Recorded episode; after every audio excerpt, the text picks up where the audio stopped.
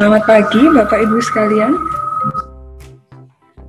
Saya ucapkan selamat datang pada webinar pada pagi hari ini. Izinkan saya memperkenalkan diri terlebih dahulu. Nama saya adalah Miss Lia dan saya akan bertindak sebagai MC pada acara pagi hari ini.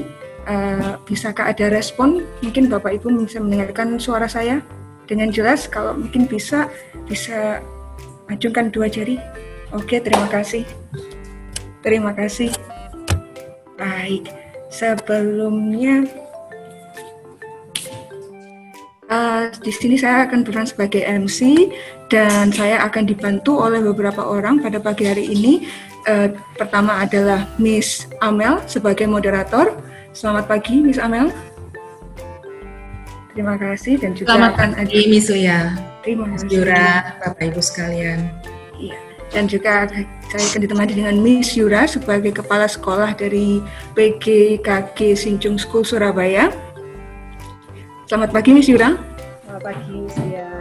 Baik dan juga saya eh, pagi hari ini pastinya akan ditemani dengan keynote speaker kita Bapak Erik Pramono. Selamat pagi Bapak Erik Pramono. Yes, pagi rekan-rekan semua.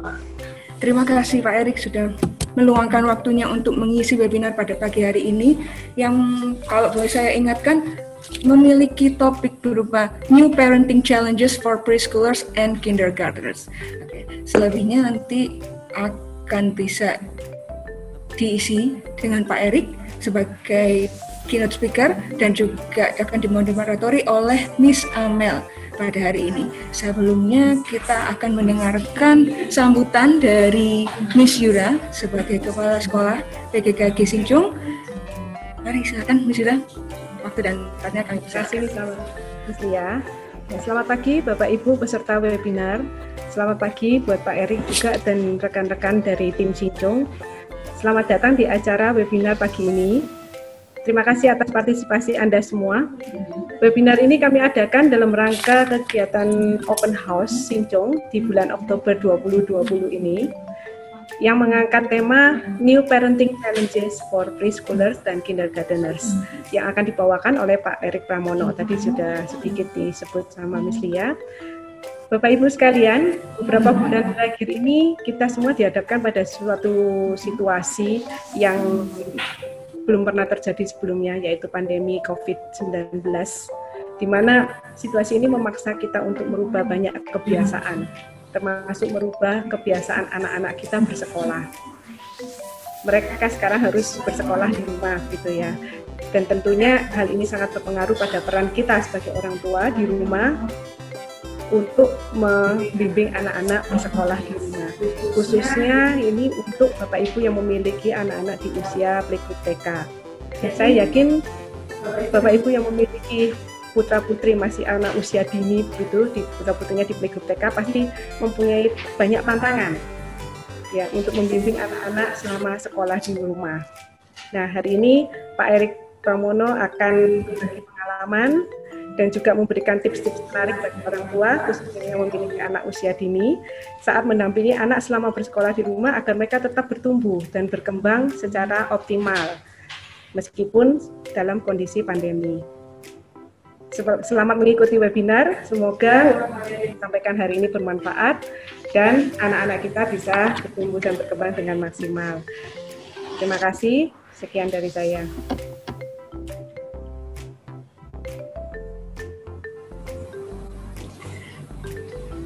Oke, terima kasih Miss Yura. Mari kita berikan tepuk tangan sebentar. Bapak Ibu, kepada Miss Yura, terima kasih atas sambutannya.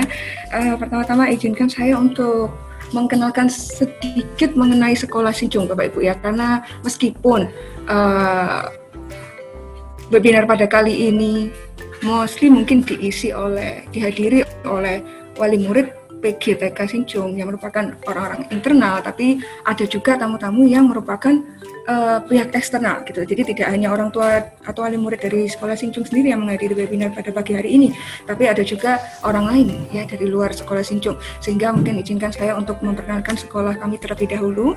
Nah, di sini Sekolah Sinjung merupakan sekolah tiga bahasa yang terletak di Surabaya, Jawa Timur. Nah, sekolah ini memiliki komitmen tentunya untuk melahirkan pemimpin Asia yang cerdas dan berkarakter luhur. Nah, saat ini di bulan Oktober ini kami sedang membuka pendaftaran untuk siswa baru di tahun ajaran tahun depan 2021-2022. Nah, open house pada kali ini akan diadakan mulai tanggal 5 Oktober kemarin hingga akhir bulan tanggal 31 Oktober 2020. Nah, bagi Bapak Ibu yang ingin mengetahui informasi lebih lanjut tentang apa saja isi dari open house Sekolah Sincung bulan ini bisa silakan mengunjungi Sekolah Sincung websitenya maksud saya di sincung.schid dan juga kami punya beberapa media sosial yang mungkin Bapak Ibu lebih akrab penggunaannya. Ada Facebook bisa like di fanpage kami di Sincung School atau juga bisa dibuka di Instagram sincung.school di sana ada banyak sekali informasi uh, mengenai apa saja isi dari open house kita di bulan ini ya. Salah satunya webinar ini merupakan rangkaian dari virtual open house kita. Jadi kita juga ada uh, open house saat kita ada virtual trial class, kita ada visual presentation dan kalau Bapak Ibu berminat untuk mendapatkan informasi lebih lanjut silakan untuk membuka uh, media sosial kita yang sudah saya sebutkan tadi. Nanti juga kita akan tunjukkan atau juga bisa menghubungi sekolah Sinjung langsung. Dengan kontaknya nanti juga akan kita tunjukkan ya. Dan akan ada harga spesial tentunya ada diskon untuk Bapak Ibu apabila berminat untuk mendaftarkan putra-putrinya di sekolah Sincung pada bulan ini, khusus di bulan ini pada saat kita melakukan open house. Ya, nah sebagai tambahan uh, kita juga telah melakukan tiga webinar sebelum ini. Jadi webinar pada pagi hari ini adalah webinar keempat yang sudah diselenggarakan oleh Sekolah Sincung pada acara open house ini, Bapak Ibu ya. Tiga webinar sebelumnya bisa dilihat kembali. Nah, kita juga mempunyai akun YouTube Bapak Ibu. Akun YouTube kita adalah Sinjung School. Bisa dibuka di sana, bisa di subscribe mungkin Bapak Ibu ya. Mungkin ini orang tua PGTK biar YouTube-nya tidak isinya pingpong atau baby bus saja gitu. Jadi bisa lah dibuka akun Sinjung School biar mendapatkan update terbaru dari sekolah kita. Webinar kita yang sebelum-sebelumnya sudah kita upload di sana uh, kalau mungkin ingin melihat atau mendengarkan kembali uh, seminar-seminar uh, yang sudah kita laksanakan bisa dibuka di sana dan juga ada podcast. Sekolah Sincung juga memiliki podcast.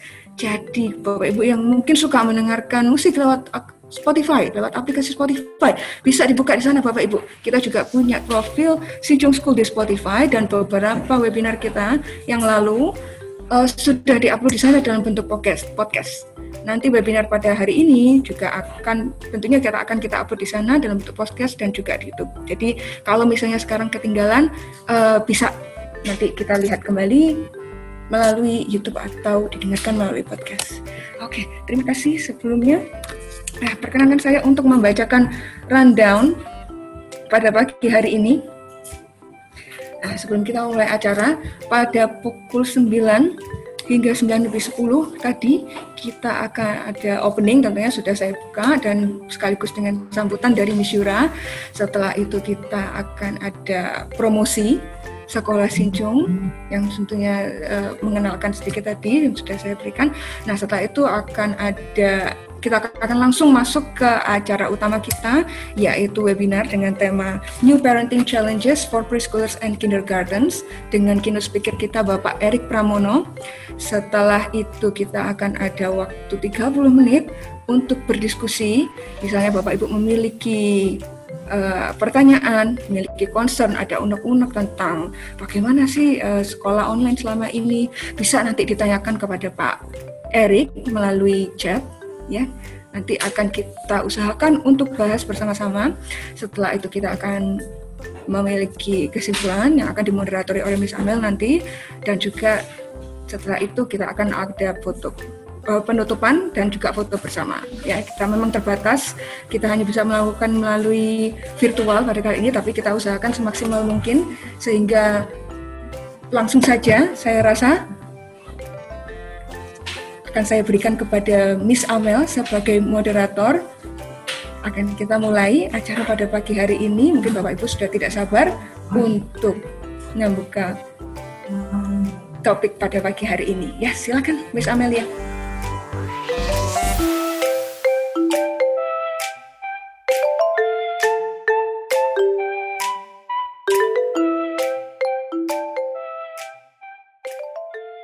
Ya, terima kasih Miss Lia, terima kasih juga Miss Yura. Selamat pagi uh, Pak Erik, Bapak Ibu sekalian.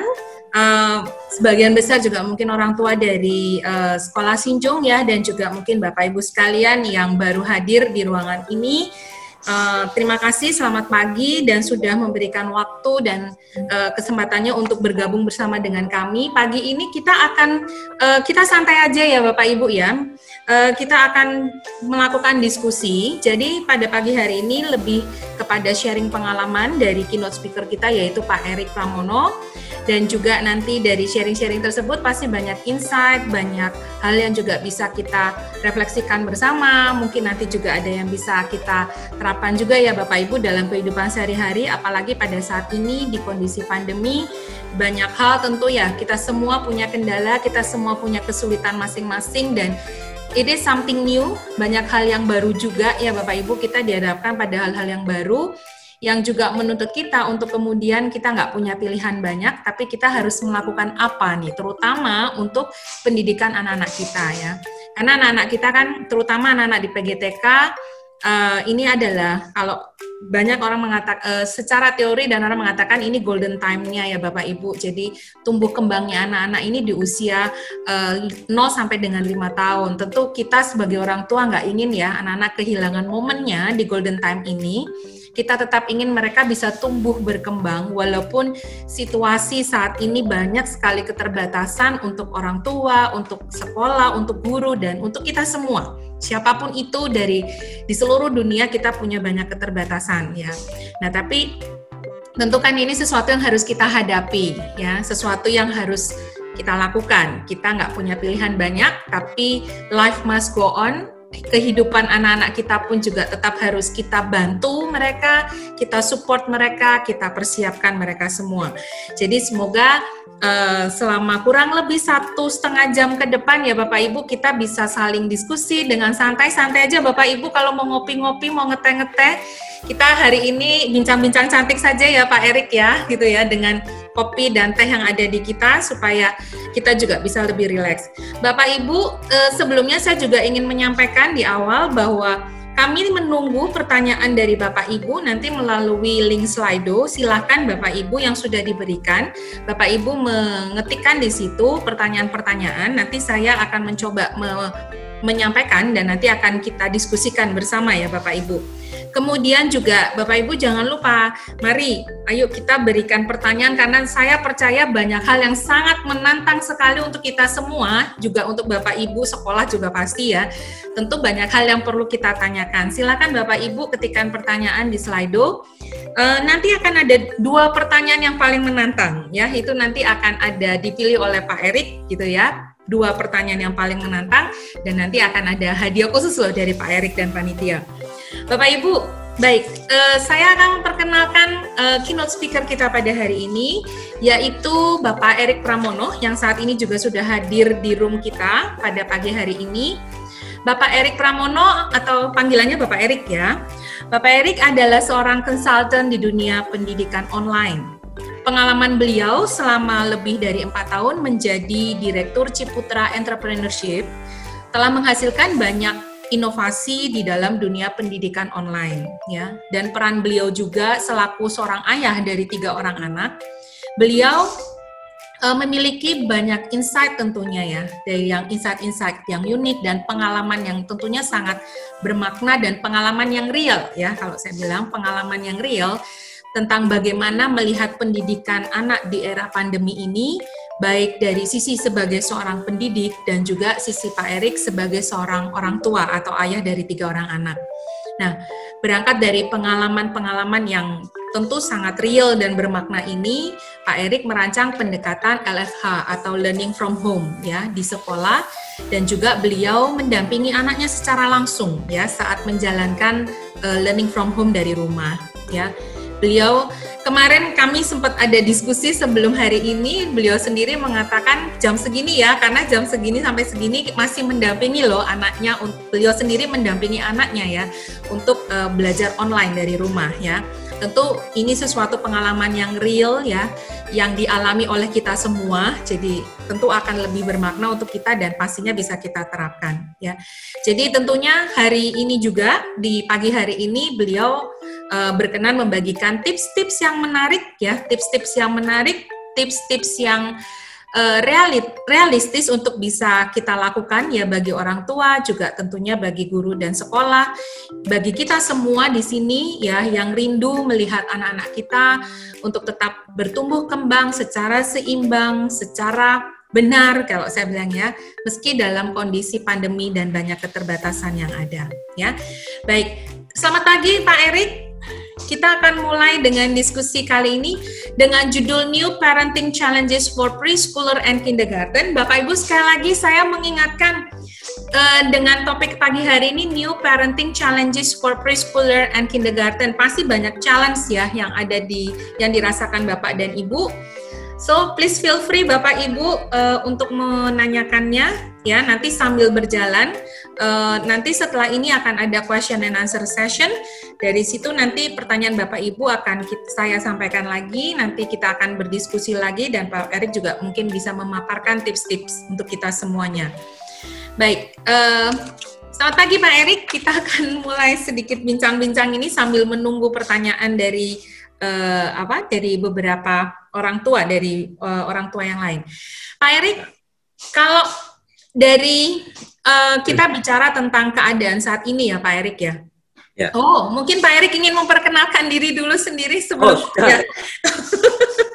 ada yang perlu ditambahkan oh. mungkin? Ya, saya tidak ada rencana nambah anak lagi, Miss. Iya, yang misalnya sampaikan udah kebanyakan. Nah, gitu. Oke, okay. ya. baik. Uh, Pak Erik, mungkin uh, dengan judulnya yaitu New Parenting Challenges for Preschooler and Kindergarten, ya banyak tantangan tentu untuk orang tua, sekolah dan guru, uh, pemerintah juga dalam hal ini Kementerian Pendidikan dan Kebudayaan, ya. Nah, Pak Erik sebetulnya sekarang ini kan orang pada bilang sekolah online, ya learning from home, itu PJJ dengan segala macam istilah-istilah itu ya. Sebetulnya apa ya. yang dimaksud dengan pembelajaran online itu sendiri, Pak Erik? Lalu bagaimana pembelajaran online itu dapat berjalan dengan lancar, dengan baik dan benar? Ya, oke. Okay. Thank you ya, Miss Amel ya. Ya. Jadi mungkin dari saya, uh, pertama-tama kita set up ini dulu aja ya, set up stage-nya dulu ya. Maksudnya atmosfernya dulu bahwa saya ini bukan uh, orang yang tahu segala sesuatu, gitu kan. Hmm uh, memang saya mungkin tahu lebih banyak dan lebih dulu. Terus kemudian saya kan memang tadi ada pengalaman uh, sebelumnya sehingga mungkin bisa sharing. Tapi ya setiap orang tua, setiap anak pasti punya ini ya, punya komunikasi sendiri-sendiri ya. Jadi kita nanti nah. kita akan coba kita coba sharing aja apa yang memang uh, saya tahu dan saya sudah lakukan mungkin bisa bermanfaat. Nah, jadi uh, kalau kita bicara pembelajaran online, ini ada banyak angle memang lihatnya. Jadi okay. yang paling mudah karena kita hari ini kan ngomongnya tentang preschool ya. Jadi kalau playgroup sama TK itu kan kita sebutnya kan preschool. Jadi paling gampang gini deh, pembelajaran online. Kalau kita lihat bahasanya kan fokusnya kan di pembelajarannya dulu. Nah, jadi sebenarnya pembelajaran itu apa? Pembelajaran itu kan uh, kalau kita bilang kan ada ada pelajar, belajar. Jadi ada dua kata kan, ada pelajar dan ada belajar. Jadi sebenarnya kita ini harus fokus sebagai orang tua ataupun mungkin sekolah, pemerintah juga pasti. Bagaimana sih para anak-anak ini yang kita sebut sebagai pelajar ini, mereka ini bisa belajar dengan baik. Gitu. Jadi fokusnya pada anaknya dulu. Nah, kalau online itu cuma media aja. Jadi kalau misalnya zaman dulu sebelum ada COVID, kan kita bilangnya online itu kan opsional, tidak harus kan. Hmm. Jadi kenapa? Karena kan anak-anak masih bisa punya banyak sumber belajar. Mungkin sumber utamanya mereka, media utamanya mereka adalah datang secara fisik ke sekolah. Nah, tapi hmm. karena COVID itu tidak bisa. Jadi mau nggak mau harus online. Jadi sebenarnya pembelajaran online itu bukan suatu hal yang baru atau aneh. Saya yakin sebelum COVID pun sudah ada yang melakukan, cuman porsinya aja yang berbeda, porsinya, caranya. Begitu pula dengan sekolah. Selama ini mungkin sekolah merasa uh, tidak harus memberikan pembelajaran online. Nah, tapi pada waktu uh, tidak ada murid lagi yang datang ke sekolah secara fisik, mau nggak mau sekolah harus memberikan pembelajaran secara online. Jadi, uh, kalau saya melihat dari sudut pandang orang tua, sebenarnya selama ini anak saya juga belajar dari online, ya dia belajar YouTube, gitu kan Uh, dia belajar dari aplikasi-aplikasi yang ada di iPad yang saya downloadkan. Jadi ada banyak yang dia belajar dan semuanya itu dari online.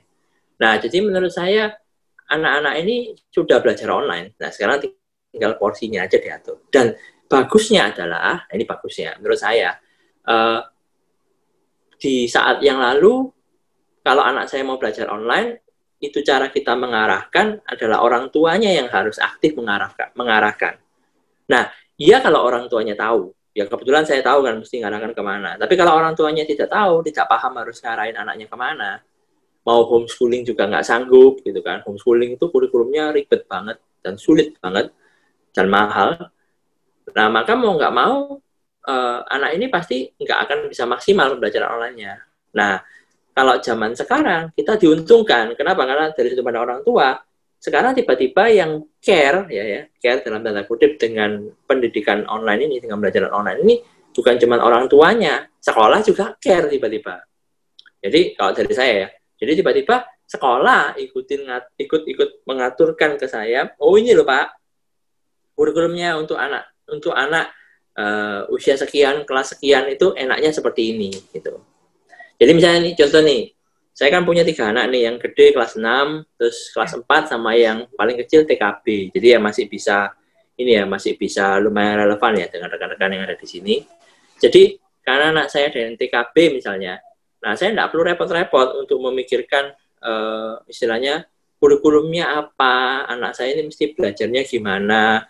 Oh kalau dia mau latihan alfabet itu ya latihan membaca itu pakai apa, kemudian latihan coloring, cutting, pasting pakai apa. Nah, dari sekolah mereka sudah istilahnya ya uh, menyajikan itu dengan baik dan saya bersyukur. Nah, ini, ini lucu ya. Saya bersyukur dengan acara dengan adanya pandemi. Ini malah peran orang tua itu maksudnya saya peran saya sebagai orang tua dalam pendidikan anak ini semakin terasa karena anak ini sekarang tidak jalan sendiri karena anak ini mau tidak mau dapat dua bimbingan satu bimbingan dari guru sekolah dan satu lagi dari orang tua. Nah, kalau ditanya tadi sama Miss Amel kan ya, sebenarnya pendidikan online online yang baik itu yang kayak apa, gitu kan? Ya. Menurut saya pendidikan online ini tergantung sama dua hal ya. Jadi satu itu adalah infrastruktur, yang kedua itu adalah kesiapan. Jadi kalau infrastrukturnya tidak ada, jadi anggap aja jembatannya ini nggak ada. Kita bayangkan ada uh, sekolah sama rumah ini kan terpisahkan oleh satu jurang atau satu sungai sungai yang lebar sekali dan dalam. Jadi mau nggak mau kita harus bikin jembatan. Nah, jadi kalau nggak ada jembatan itu, maka tidak ada uh, data yang tertransfer, tidak ada informasi yang berpindah, gitu kan. Nah, berarti kan infrastruktur ya kita ngomong mau nggak mau ya internet atau apalah teknologi yang dipilih oleh sekolah. Misalnya sekolah memilih teknologinya yang terbaik, misalnya Zoom atau mungkin Siso. Nah, ya mau nggak mau kita harus bisa uh, mempersiapkan itu infrastrukturnya. Jadi misalnya gini, saya membayangkan ya, sekolah itu kayak satu pulau besar, terus kemudian eh, rumah-rumah anak-anak ini adalah eh, pulau-pulau kecil yang mengelilingi sekolah tadi. Nah, berarti mau tidak mau kan kita harus bangun jembatannya. Kalau misalnya ada orang tua bilang ke saya, Pak, saya masih belum ada jembatannya ke sekolah, ya nggak nyambung kan berarti. Jadi ya. mau nggak mau harus ada jembatan itu. Nah, kadang-kadang infrastruktur pun juga tergantung kesulitannya, tapi mungkin ada beberapa uh, orang tua yang sampai kekurangan device itu memang ada. Jadi kayak saya ini, saya ini misalnya anaknya tiga, wah itu kalau sudah semua sekolah device-nya kurang, hmm. itu kan bisa jadi bisa dibayangkan ya. Belum lagi kalau misalnya istri saya harus meeting gitu kan, saya juga harus kerja, jadi semua online. gitu kan. Nah, jadi mau tidak mau uh, memang uh, zaman sekarang levelnya itu ya, mau tidak mau memang levelnya ya jembatan itu harus ada. Nah, itu memang tanggung Nah, sekarang pertanyaan tanggung jawab siapa? itu kan.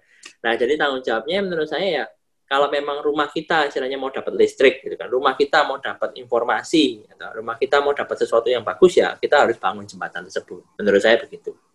Hmm. Nah, yang kedua adalah kesiapan. Infrastruktur sama ada sama kesiapan itu dua hal yang berbeda. Jadi bukan berarti jembatannya ada terus berarti kita siap. Hmm. Jadi siap itu maksudnya gini, sekolahnya siap dan juga orang tuanya siap. Sama ya, tadi infrastruktur ya, infrastruktur sekolahnya siap, infrastrukturnya di rumah juga siap. Nah kalau kalau jembatannya sudah siap, tim ekspedisi yang harus mondar mandir ini juga siap, menurut saya itu akan akan jalan dengan baik. Nah saya saya yakin mungkin hari ini kita akan banyak bicara ya tentang mungkin uh, kesiapan apa saja ya dari sudut pandang orang tua ya yang perlu kita uh, apa ya persiapkan agar anak-anak uh, ini di rumah belajarnya bisa efektif. Tapi secara garis besar seperti tadi. Jadi kita ini secara uh, sikap uh, menurut saya ini menurut saya hitung-hitungan saya gini. Pandemi ini sudah jalan 8 bulan ya. ya. Saya ini bukan ahli ya. Tapi menurut saya kita bisa lihat di googling aja nanti covid Indonesia. Ini kan keluar statistiknya. Selama 8 bulan terakhir ini jumlah pasien baru setiap hari itu naik. Jadi istilahnya belum ada titik puncaknya titik puncaknya ini belum kelihatan kalau kita mau ada selesai itu uh, trennya itu sudah mulai turun. Jadi puncaknya sudah ada, terus kita turun. Nah ini puncaknya belum ada. Anggaplah hari ini puncaknya ya. Semoga ini ya. Semoga hari ini puncaknya. Maka kita butuh sekitar 16 bulan lagi untuk selesai. Nah, jadi kalau naiknya 8 bulan, turunnya kira-kira 16 bulan. Belum kalau ada second wave ya. Nah, nah jadi uh, kita kita harus berpikir realistis lah ya. Berpikir realistis itu idealis namun realistis. Jadi berpikir realistis adalah bagaimana caranya kita bisa bikin planning untuk keluarga kita sendiri, gitu kan, uh, supaya kita ini bisa survive nih 16 bulan lagi. Nah kalau kita lihat anak kita kan, nah kita kita bisa ngitung nih, wah anak saya umur berapa ya? Nah kira-kira selama 16 bulan lagi ini anak saya ngapain? Nah itu, itu yang karena anaknya belum masih belum bisa ngambil keputusan sendiri apa yang terbaik buat dia. Anak saya yang kelas 6 aja masih belum bisa kan, apalagi yang masih TK, mau nggak mau, ya kita yang harus memikirkan Nah, kalau kita bilang 16 bulan lagi itu waktu yang lama. Hmm. Nah, oleh karena itu saya sih saya tidak berani. Saya tidak berani untuk homeschooling. Bukan apa-apa, karena saya nggak sanggup menjadi teaching parent. Jadi menjadi parent aja sudah sulit, menjadi teaching parent itu lebih sulit lagi. Jadi mau nggak mau, eh, karena saya nggak sanggup homeschooling, maka saya harus cari partner sekolah yang baik. Nah, jadi partner sekolah yang baik tadi ya, jadi rumah kita ini akan bikin jembatan. Nah, jembatan ini kan kalau kita ngomong jembatan ke pulau yang mana, gitu kan? Ada pulau besar, ada banyak. Di sana ada sekolah, di sini ada sekolah ya. Menurut saya ya tinggal boleh dipilih. Gitu. Menurut saya boleh dipilih uh, mana sekolah yang menurut kita, gitu kan? Setiap keluarga punya kebutuhan sendiri-sendiri. Yang menurut kita uh, apa infrastrukturnya mendukung, kemudian kesiapan dari sekolah maupun uh, guru-gurunya ini uh, baik dalam mendeliver yang namanya pembelajaran online ini tadi. Nah, kalau bagaimana yang ketiga, yaitu kesiapan dari anaknya. Jadi kalau tadi kan kita sudah sebutkan semua, wah online itu kayak gini ya, yang penting belajar, pembelajar, apa pelajarnya ini yang penting mereka itu bisa belajar. Kita ini kan baik orang tua maupun sekolah ini kan kita cuma menjadi fasilitator supaya anak-anak ini bisa belajar dengan baik. Nah, bagaimana dengan anak-anaknya sendiri? Anak-anak ini selama selama pandemi ini apa yang mereka rasakan. Kalau anaknya sudah pernah sekolah, nah ini sudah pernah sekolah ya, maksudnya bukan usia 2 tahun, jadi sudah pernah merasakan sekolah, misalnya kayak anak saya ini sudah pernah merasakan sekolah, dia pasti akan kangen kan, pasti akan kepingin kembali ke sekolah itu pasti ada. Kangen ketemu sama teman-temannya, pasti ada lah, itu menurut saya wajar lah. Nah tapi uh, setelah pandemi jalan 8 bulan ya mereka juga setelah kita bisa ngasih pengertian yang baik ya, apa maksudnya pandemi itu, kemudian resiko yang muncul kalau kita keluar rumah dan sebagainya, ketemu sama orang seperti apa, maka mau nggak mau uh, mereka juga paham, mereka juga jadi aware. Ya, ada awareness terhadap pandemi itu aware. Jadi mau nggak mau mereka tahu bahwa ya saya akan ada di rumah dan saya akan belajar di rumah. Nah, PR kita adalah bagaimana membuat anak-anak ini tetap merasa happy, gitu kan? Happy itu penting soalnya happy uh, berada di rumah Yang kedua adalah happy belajar di rumah. Nah, itu dua hal yang harus kita achieve ya. Saya ngerti kan karena kita sendiri sebagai orang tua kita harus cari nafkah dengan berbagai macam kesulitan kita sendiri ya. Uh, mungkin bisnis kita juga terdampak dan lain sebagainya ya. Orang mungkin ada keluarga yang juga uh, terkena COVID dan lain sebagainya. Pastilah yang namanya uh, keadaan di rumah itu kan tidak bisa apa ya damai sejahtera setiap saat tidak bisa lah. Jadi mau tidak mau apa? mau nggak mau ya memang kita harus mengkondisikan supaya anak-anak ini tetap merasa happy, aman, happy di rumah. Sehingga pada waktu kebutuhan emosional mereka ini eh, apa ya ter, terpenuhi dengan baik, mau nggak mau maka mereka ini akan bisa happy untuk belajar. Karena bagi anak-anak eh, usia lima tahun ke bawah, belajar itu bukan sesuatu hal yang formal. Nah itu, ini yang kita harus kita juga harus pikirkan. Jadi kita sebagai orang tua juga harus bijak. Anak-anak ini belum usia SD, gitu misalnya. Jadi bagi mereka itu belajar itu bukan suatu apa ya, sesuatu yang formal. Ya, misalnya apa ya? Bukan kewajiban. Ya, kita tahu anak-anak harus belajar untuk kebaikan mereka sendiri. Kita tahu, tapi mereka mungkin belum tentu tahu. Dan jangan sampai kita merusak istilahnya apa ya keinginan mereka untuk belajar ini tadi secara natural dengan uh, memperkenalkan itu sebagai sesuatu yang formal, sebagai sesuatu yang wajib untuk belajar. Kedua, ciri khasnya uh, pembelajaran di usia lima tahun ke bawah itu uh, tidak terlalu akademik. Jadi istilahnya anak-anak ini belajar apa ya salah itu nggak apa-apa, nggak perfect itu nggak apa-apa. Kalau bahasa guru itu ada penilaian sumatif sama formatif. Jadi kalau kita itu menilai itu bukan untuk apa ya cari tahu anak ini pinter apa enggak gitu. Tapi kita itu sebenarnya menilai itu untuk mengakses oh anak ini masih belum bisa. Oh ya oke okay, ya aku akan latih lagi. Jadi lebih ke arah uh, eh, non akademik lah kalau bisa. Dan mau nggak mau karena usia mereka usia yang penuh pertanyaan jadi ya mereka pasti akan ada banyak pertanyaan pasti akan ada banyak pertanyaan nah oleh karena itu bagaimana caranya kita ini bisa membuat kondisinya pada saat mereka ini pengen belajar, pengen nanya ini uh, tetap fun. Karena anak-anak belajar yang terbaik pada waktu mereka fun. Jadi biarin mereka explore, biarin mereka eksperimen, dan yang paling penting itu dialog. Jadi gimana anak-anak ini terus bisa ada dialog sama orang tua. Karena uh, kalau misalnya apa ya, kalau anak ini ngajak ngomong kita sibuk, kita nggak jawab. Nanti lama-lama dia akan malas ngomong. Nah, pada waktu kita giliran yang kita yang mau ngomong, nah dia sudah keburu males ngomong itu tadi. Nah, jadi memang ya butuh butuh ini ya, butuh banyak PR bagi orang tua untuk bisa ngeladenin anak yang usia lima tahun ke bawah. Memang, memang saya juga alami. Ya mungkin uh, apa jawabannya sekian dulu ya misalnya kalau nggak nanti panjang dan lebar nih yang Oke. Okay.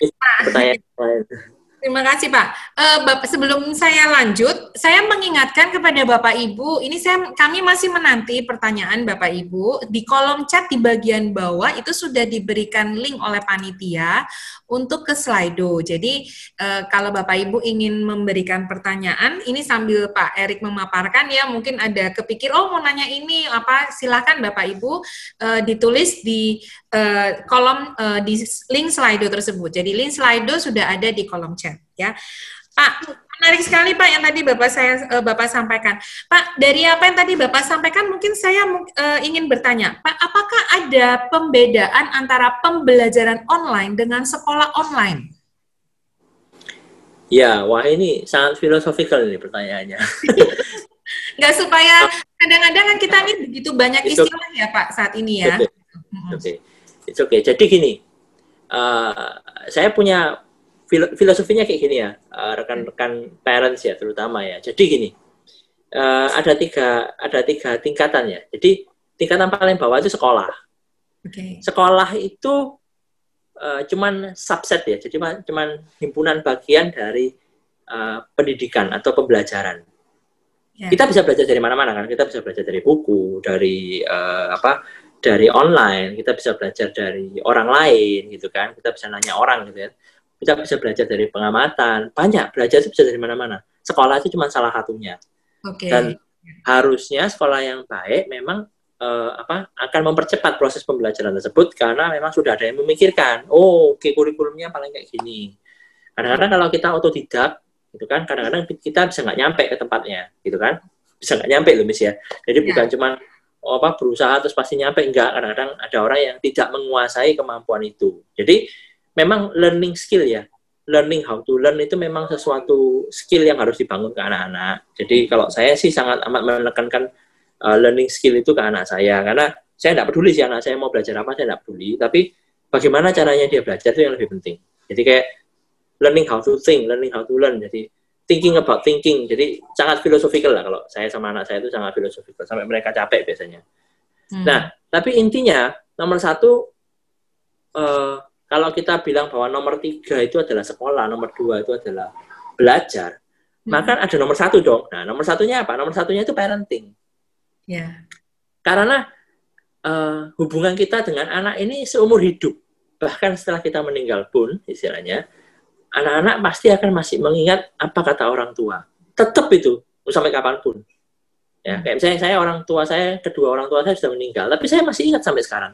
Dan bahkan saya mengajarkan itu ke anak saya menurut saya ada beberapa hal yang orang tua saya ajarkan ke saya, ya saya ajarkan itu pula ke anak saya. Jadi menurut saya parenting itu yang number one menurut saya. Nah, jadi uh, pertanyaannya gini, sebenarnya parenting itu tanggung jawab siapa? Ya bukan tanggung jawab orang lain, ya tanggung jawab kita. Begitu kita berkeluarga, begitu kita punya anak, ya berarti kita tanggung jawab ada pada anak itu ya. Jadi bukan cuman bukan cuman tanggung jawab untuk memberikan dia makan gitu kan, tapi tanggung jawab kita ya tadi sebagai seorang parent kita harus mengajarkan tentang ini ya istilahnya sekolah kehidupan ini seperti apa apa yang nilai-nilai kehidupan yang perlu kita tanamkan ke anak kita itu kita perlu ajarkan ke dia nah belajar sekali lagi menurut saya belajar itu sumbernya ada banyak sekolah adalah salah satunya nah sekolah ini adalah salah satu tipe yang menurut saya adalah pembelajaran formal hmm. meskipun kalau untuk Nah, kita kembalikan ke konteks ya, meskipun kita konteksnya untuk yang lima tahun ke bawah ini, itu termasuk pendidikan yang non formal. Pertanyaannya gini, bisa nggak saya ini ngajarin anak saya sendiri di rumah untuk ya basicnya kan baca tulis hitung gitu kan bisa membaca bisa menulis bisa berhitung misalnya ya bisa saya tidak bilang nggak bisa ya pasti bisa lah karena butuh waktu tapi asal justru kita itu bisa apa ya selama kita tekun ngajarin anak kita pasti dia akan bisa. Semuanya pasti akan bisa. Nah, cuman uh, apa bedanya kalau ada sekolah? Ya anak-anak ini akan menjadi apa ya paham karena sebenarnya bukan cuma mereka baca, tulis dan hitung. Jadi kalau kita nanti lihat ya sebenarnya uh, apa sih yang dibutuhkan oleh seorang anak pada waktu mereka sebelum masuk SD ya sebenarnya. Nah itu bukan cuma bisa baca, tulis dan hitung, tapi ada banyak hal yang lain gitu kan. Jadi kayak misalnya kemampuan mereka untuk sosial gitu kan, kemampuan mereka untuk emosional, bahkan untuk membaca pun mereka juga ada kemampuan untuk bisa lihat uh, apa ya, secara vocabulary-nya mereka itu sudah cukup kaya apa belum. Terus kebiasaan mereka untuk uh, navigate hal-hal yang ada di sekolah ya. Jadi misalnya melihat buku, meng, apa, mengenal oh ada tugas, oh mengumpulkan seperti ini, peran guru seperti apa, bertanya di dalam kelas, interaksi dengan teman, ada banyak hal ya. Jadi karena sekolah itu juga as a system, jadi kalau misalnya anak ter, terbiasa untuk belajar di rumah, mereka akan tidak terbiasa dengan sistem. Jadi butuh waktu lagi untuk adjust ke sistem. Jadi menurut saya itu ya misalnya ya. Jadi sekolah ini adalah salah satu sumber utama untuk pembelajaran itu. Tapi eh, pembelajaran itu sendiri, sekolah dan pembelajaran itu sendiri adalah bagian dari parenting. Nah, oleh karena itu fungsi parents ini penting sekali untuk menentukan jenis parenting seperti apa yang akan dia lakukan ke anaknya, kemudian pembelajaran seperti apa yang akan dia berikan ke anaknya, dan sekolah mana yang dia akan pilih untuk anaknya. Menurut ya. saya begitu. Ya, makasih Pak. Berarti uh, kalau dari tadi Bapak sudah paparkan, uh, sekolah itu sebenarnya bagian dari pembelajaran online ya Pak ya? Betul artinya di sini sebenarnya kan semuanya yang terlibat itu juga dari guru, orang tua, eh, guru, sekolah dan juga dalam hal ini orang tua dan anak itu sendiri gitu ya. Oh iya iya iya. Tuh. Pak, ini kita kembali lagi Pak, karena ini tentang challenge uh, parent, parenting challenge for preschooler and kindergarten. Tadi Bapak hmm. sudah memaparkan juga ya tentang uh, sekolah itu harusnya bagaimana, siapa yang berperan, kemudian apa yang perlu kita persiapkan dan sebagainya. Nah, untuk anak-anak usia PGTK, kira-kira tahapan perkembangan apa Pak yang perlu dicapai? Karena kan ketika nanti sekolah uh, dalam hal ini oh. orang tua ingin memfasilitasi anak-anak untuk bertumbuh kembang, kita kan perlu tahu goal dan targetnya untuk anak-anak PGTK ini apa gitu ya. Supaya apa yang kita uh, fasilitasi baik di dalam parenting pola asuh maupun proses pembelajaran di sekolah itu bisa uh, bisa tepat gitu Pak. Walaupun keadaan sekarang ini tidak ideal gitu. Nah kira-kira apa tahapan perkembangan anak-anak usia PGTK ya Pak? Iya. Nah ini uh, kita bisa baca sih kita bisa googling gitu ya. Misalnya child development stages itu bisa ini kita sudah tahu. Cuman ada jebakannya nah ini. Jadi uh, kita kalau kadang-kadang lihat informasi online cari informasi online itu bagus memang. Cuman uh, karena tadi ya setiap anak itu punya jalannya yang sedikit berbeda tidak sama. Jadi uh, hati kita mesti hati-hati juga dan kita mesti bijaksana. Kalau enggak nanti kita akan terjebak. Nah hmm. karena saya punya tiga anak ya kan? Bibitnya sama semua kan? Bayangkan bibit bibitnya sama semua saya sama istri saya gitu kan? Terus semuanya cowok semua gitu kan ya? Okay. berarti harusnya kan tendensinya sama. Nah tapi karena saya sudah melihat mereka semua sampai lima tahun dan lebih maka saya bisa cerita bahwa sebenarnya berbeda setiap anak itu. Hmm. nah jadi menurut saya gini kita itu kalau melihat nanti kalau kita googling ya child development stages menurut saya uh, kita jangan fokus sama hal-hal yang levelnya itu masih tahapan menengah ya. Jadi misalnya gini, oh kalau anak dua tahun harus bisa kayak gini, tiga tahun harus gini, empat tahun harus gini. Nah, menurut saya langsung aja. Kita langsung lima tahun tuh sebenarnya bisanya harusnya bisa apa. Jadi misalnya kayak gini. Ada orang bilang bahwa, oh dua tahun kok masih belum bisa ngomong. Nah, itu biasanya gitu. Wah, langsung orang tuanya panik gitu kan. Tapi anak saya yang paling gede itu juga sulit terlambat terlambat bicara anak saya yang kecil yang paling kecil ini juga lambat bicara. Tapi yang nomor dua wah Jesus. Nah yang lambat bicara ada dua kan nomor satu sama nomor tiga. Nanti begitu usia nomor usia tiga tahun anak saya yang gede ini tetap nggak bicara. Sampai sekarang SMP juga nggak bicara. Memang dia orangnya pada dasarnya gitu malas bicara. Nah tapi yang yang kecil wah sekarang lebih ramai daripada anak saya nomor dua. Nah berarti kan sebenarnya nggak terlalu inilah ya memang personality anaknya, preferensi anaknya itu berbeda-beda. Terus kemudian baca. Baca, berhitung, tulis ya. Nah itu anak saya nomor dua itu wah memang luar biasa. Bacanya itu lancar sekali. Dari umur dua tahun itu sudah bisa pelafalan uh, foniknya itu luar biasa. Anak saya yang nomor satu sama. Baca meskipun dia terlambat terlambat ngomong. Nah ini penting ya. Terlambat ngomong tidak berarti anaknya tidak bisa baca. Hmm. Percaya? Kita orang dewasa bisa baca dalam hati kan? Ya. Nah, coba. Kalau misalnya gini, saya ngasih buku ke Miss Amel, Miss Amel kemudian baca dalam hati. Saya, saya bilang sama Miss Amel, Miss Amel baca ya. Tapi misalnya baca dalam hati. Tapi saya tidak dengar suara apa pun. Terus saya ngomel sama Miss Amel, lu Miss Amel, oh nggak dibaca sih. Lu saya baca pak. Mana saya tidak dengar suaranya. Lu dalam hati. Nah itu. Jadi kadang-kadang karena kita sebagai orang tua, kita itu maunya lihat sesuatu verifikasi dari anak. Satu bentuk verifikasi dalam bentuk misalnya dia ngomong, dia bersuara. Padahal pada dasarnya dia itu paham. Yeah. Nah, makanya uh, salah satu cara kalau kalau kita paham pendidikan ya, bagaimana cara kita mendidik anak, itu sebenarnya ada banyak cara untuk melakukan verifikasi, tapi kuncinya adalah anak ini harus bisa mendemonstrasikan kemampuan dia. Kadang dia memang memilih mendemonstrasikannya tidak lewat verbal itu. Hmm. Tapi kalau dia tahu Misalnya kita kasih tulisan nih, ada tulisan satunya makan, satunya minum. Nah, kalau kita ambil makan, terus kemudian dia ambil gelas, ya keliru berarti kan, itu aja. Nah, tapi intinya anak-anak itu sebenarnya kadang-kadang, ini terutama krusial ya, kalau di usia 2-3 tahun itu sebenarnya mungkin anak-anak itu sudah bisa baca, cuman kadang ada yang malas ngomong, kayak anak saya yang pertama. Nah, lanjut, anak saya yang paling kecil yang sekarang TKB, itu sampai umur 4 tahun, eh 3 tahun lebih, hampir 4 tahun itu uh, dia terlambat, terlambat semuanya. Nah, ini hmm. terlambat semuanya. Nah, kenapa kok terlambat semuanya? Ya, terlambat apa misalnya? Kalau ngomong nggak terlambat ya, ngomong dia lancar sekali. Uh, apa ya? Nulis uh, me mengenali huruf itu sangat terlambat ya. Padahal dia sekolah. Sekolah loh ini ya, nggak ngomong COVID ya, jadi sebelum COVID ini, dia sekolah. Nah, salah satunya yang kalau saya perhatikan, itu adalah dia itu left-handed. Nah, dia itu tangan kiri.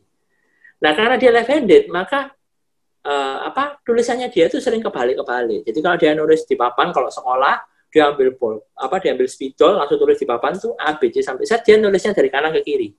Hmm. Terus perutnya itu serba kebalik. Hmm. Kalau yang punya perut itu semua serba kebalik. Dan bagi saya ya, it's okay. Gitu. Nah, jadi namanya namanya dia misalnya Hugo kan, H U G O gitu kan Hugo. Dia kalau nulis namanya dia pasti terbalik, nulisnya hanya sebelah kanan. Jadi jawabannya itu mesti selalu Ogu gitu kalau kita baca. Jadi kita selalu ngomong, is this your name? Ya. Yeah. What is it? It's Hugo, Papa oke, okay, is it Hugo really? Not Ogu? No, it's Hugo. Terus saya tuliskan, saya tidak menyalahkan dia punya tulisan, saya tambahkan tulisan di bawahnya atau di sampingnya, this is Hugo. Hanya di kiri.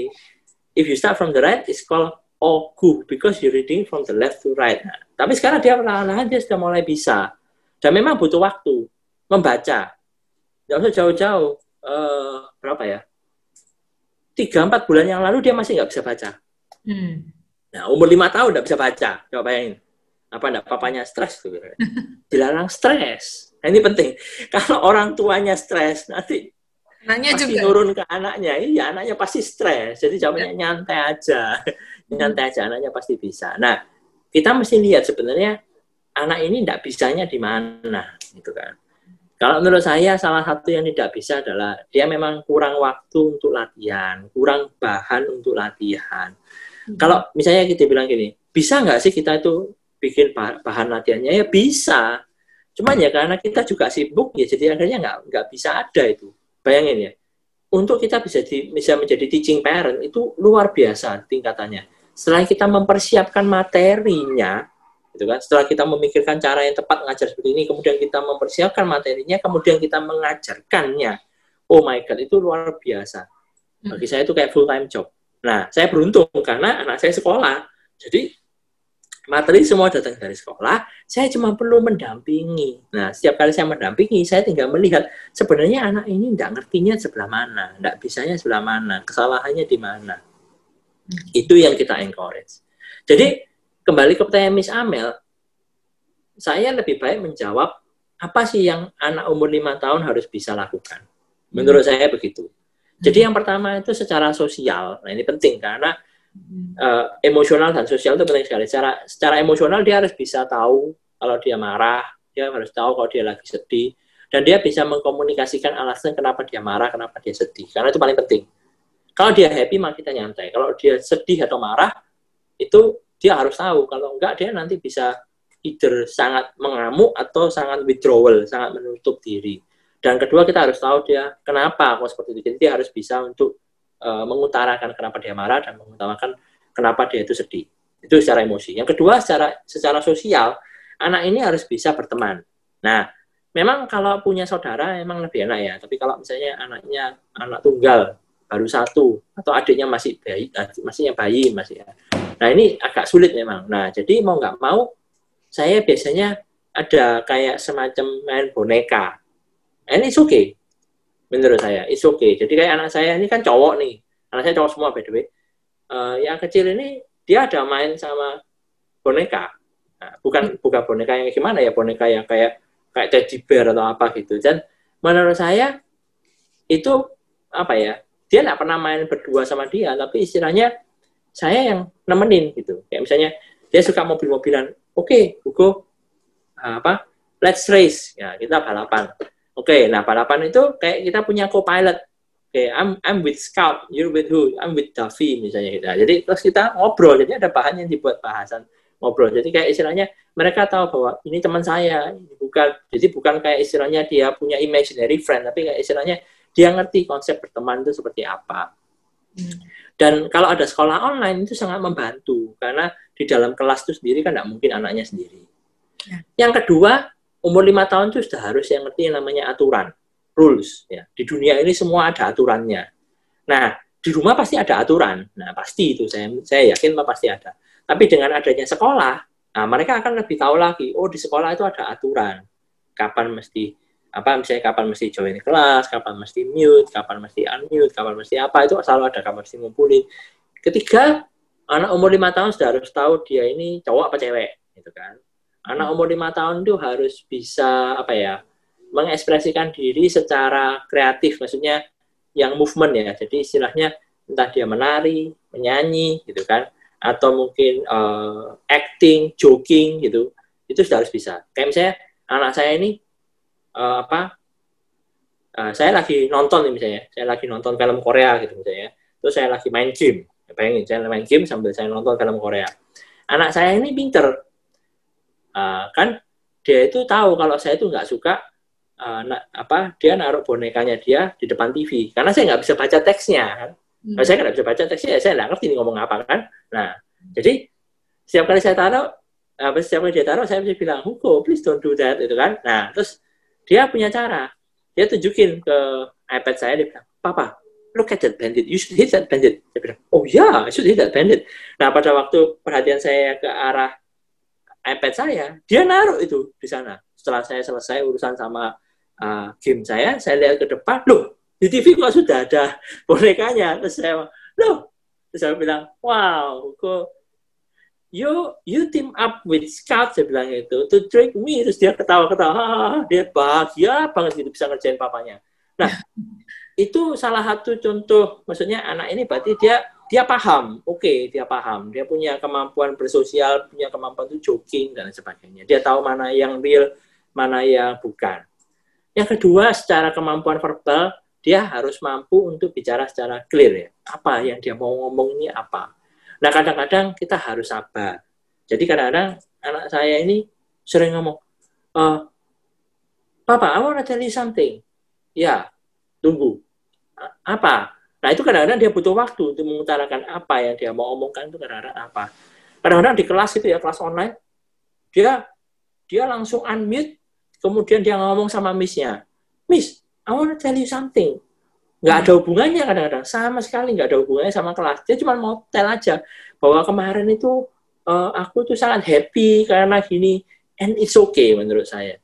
Nah, hmm. jadi kadang-kadang uh, anak ini biarkan dia bisa meluapkan uh, apa ya emosinya dia, terutama yang baik ya, misalnya kayak tadi dia mau cerita sesuatu yang menyenangkan, it's okay. Nah itu ciri khas anak umur lima tahun. Jadi menurut saya jangan dibagi-bagi ya dua tiga langsung aja. Pokoknya nanti kalau lima tahun anak saya bisa kayak gini. Kalau belum tidak apa-apa sabar aja dilatih. Nanti harapannya by lima tahun dia bisa bisa. Dia bisa cerita apa dia bisa cerita apa yang terjadi tentang dirinya dia bisa ngomong namanya siapa rumahnya di mana itu sangat penting ya. Dia bisa berhitung mungkin satu sampai dua puluh lah paling enggak dia bisa gambar gambar manusia itu lengkap ya. Jadi ada kepala ada tubuh tangan kaki semua lengkap gitu kan jadi dia istilahnya apa? Imajinasi dia tentang manusia itu lengkap. Kemudian dia bisa mulai menulis huruf apa segala macam. Ya idealnya dia bisa baca itu hurufnya apa. Tapi kalau nggak bisa paling nggak bisa nulis semua lengkap gitu kan. Dia tahu hal-hal yang penting di dunia ini ya misalnya kayak oh oke okay, uang itu apa, makanan itu apa misalnya itu.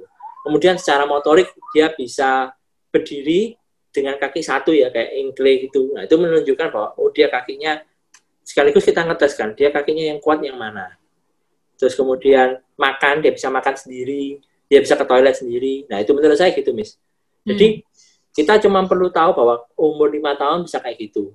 Nggak masalah kalau misalnya sepupunya umur dua tahun sudah bisa gitu nggak masalah. Itu menurut saya jangan sampai apa ya uh, anak kita terlambat dua minggu atau terlambat tiga bulan itu ya tidak masalah. Kalau terlambat empat tahun ya itu memang bermasalah. Tapi kalau terlambatnya cuma ya tiga bulan itu oke okay lah.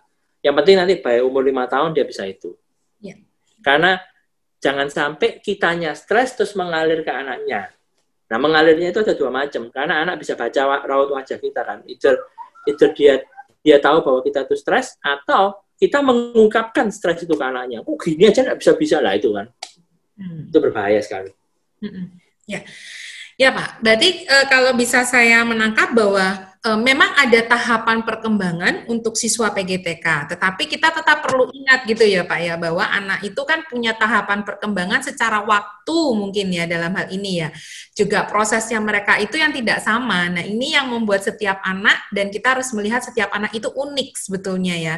Jadi nggak perlu juga kita ter ter apa ya kita uh, uh, apa ini ada tahapan perkembangan ini kemudian itu menjadi stresor buat orang tua gitu kan. Ketika orang tua stres akhirnya jadi stresor untuk anak gitu kan tertransfernya ya. Ada nah, sorry miss saya tambahin ya. Jadi ya. anak masuk ke TK misalnya mm-hmm. kelihatannya umurnya sama. Enggak loh umurnya nggak sama. Karena ada yang lahir di Mei ada yang lahir di Oktober yeah. gitu kan ada yang lahir di Januari itu nggak sama sedang Kedua kayak anak saya tadi kan dia left handed. Saya tahu, saya cek sama semua teman saya yang left handed, teman saya sudah dewasa left handed. Saya cek apakah dulu kamu kecil seperti ini, ngerasain apa. Saya berusaha berempati karena saya sendiri nggak left handed. Hmm. Bahkan saya ngomong ke kakak-kakaknya, saya bilang, hey you guys ya, you don't laugh at Hugo, okay? Try try writing with your left hand. Try writing with your left hand. You cannot, right? Nah, jadi istilahnya mereka ini uh, apa kadang-kadang kita juga perlu paham sebenarnya mereka ini punya kesulitan tadi ya keunikannya ini apa. Nah harapannya karena kita bisa paham, nah kebetulan saya paham duluan, nah saya tinggal memberikan pengertian ke istri saya bahwa ini nanti gitu kan, ini nanti Hugo ini seperti ini loh ya, gitu loh. Jadi supaya dia juga nggak panik. Jadi ya. kalau enggak nanti dia panik ini, kena kena pressure dari teman-temannya, itu kan mama-mama yang lain bisa panik ya. Jadi ya. jadi ya paling enggak kita harus tahu dulu apa yang baik untuk anak kita. Ya, ya. Oke, okay.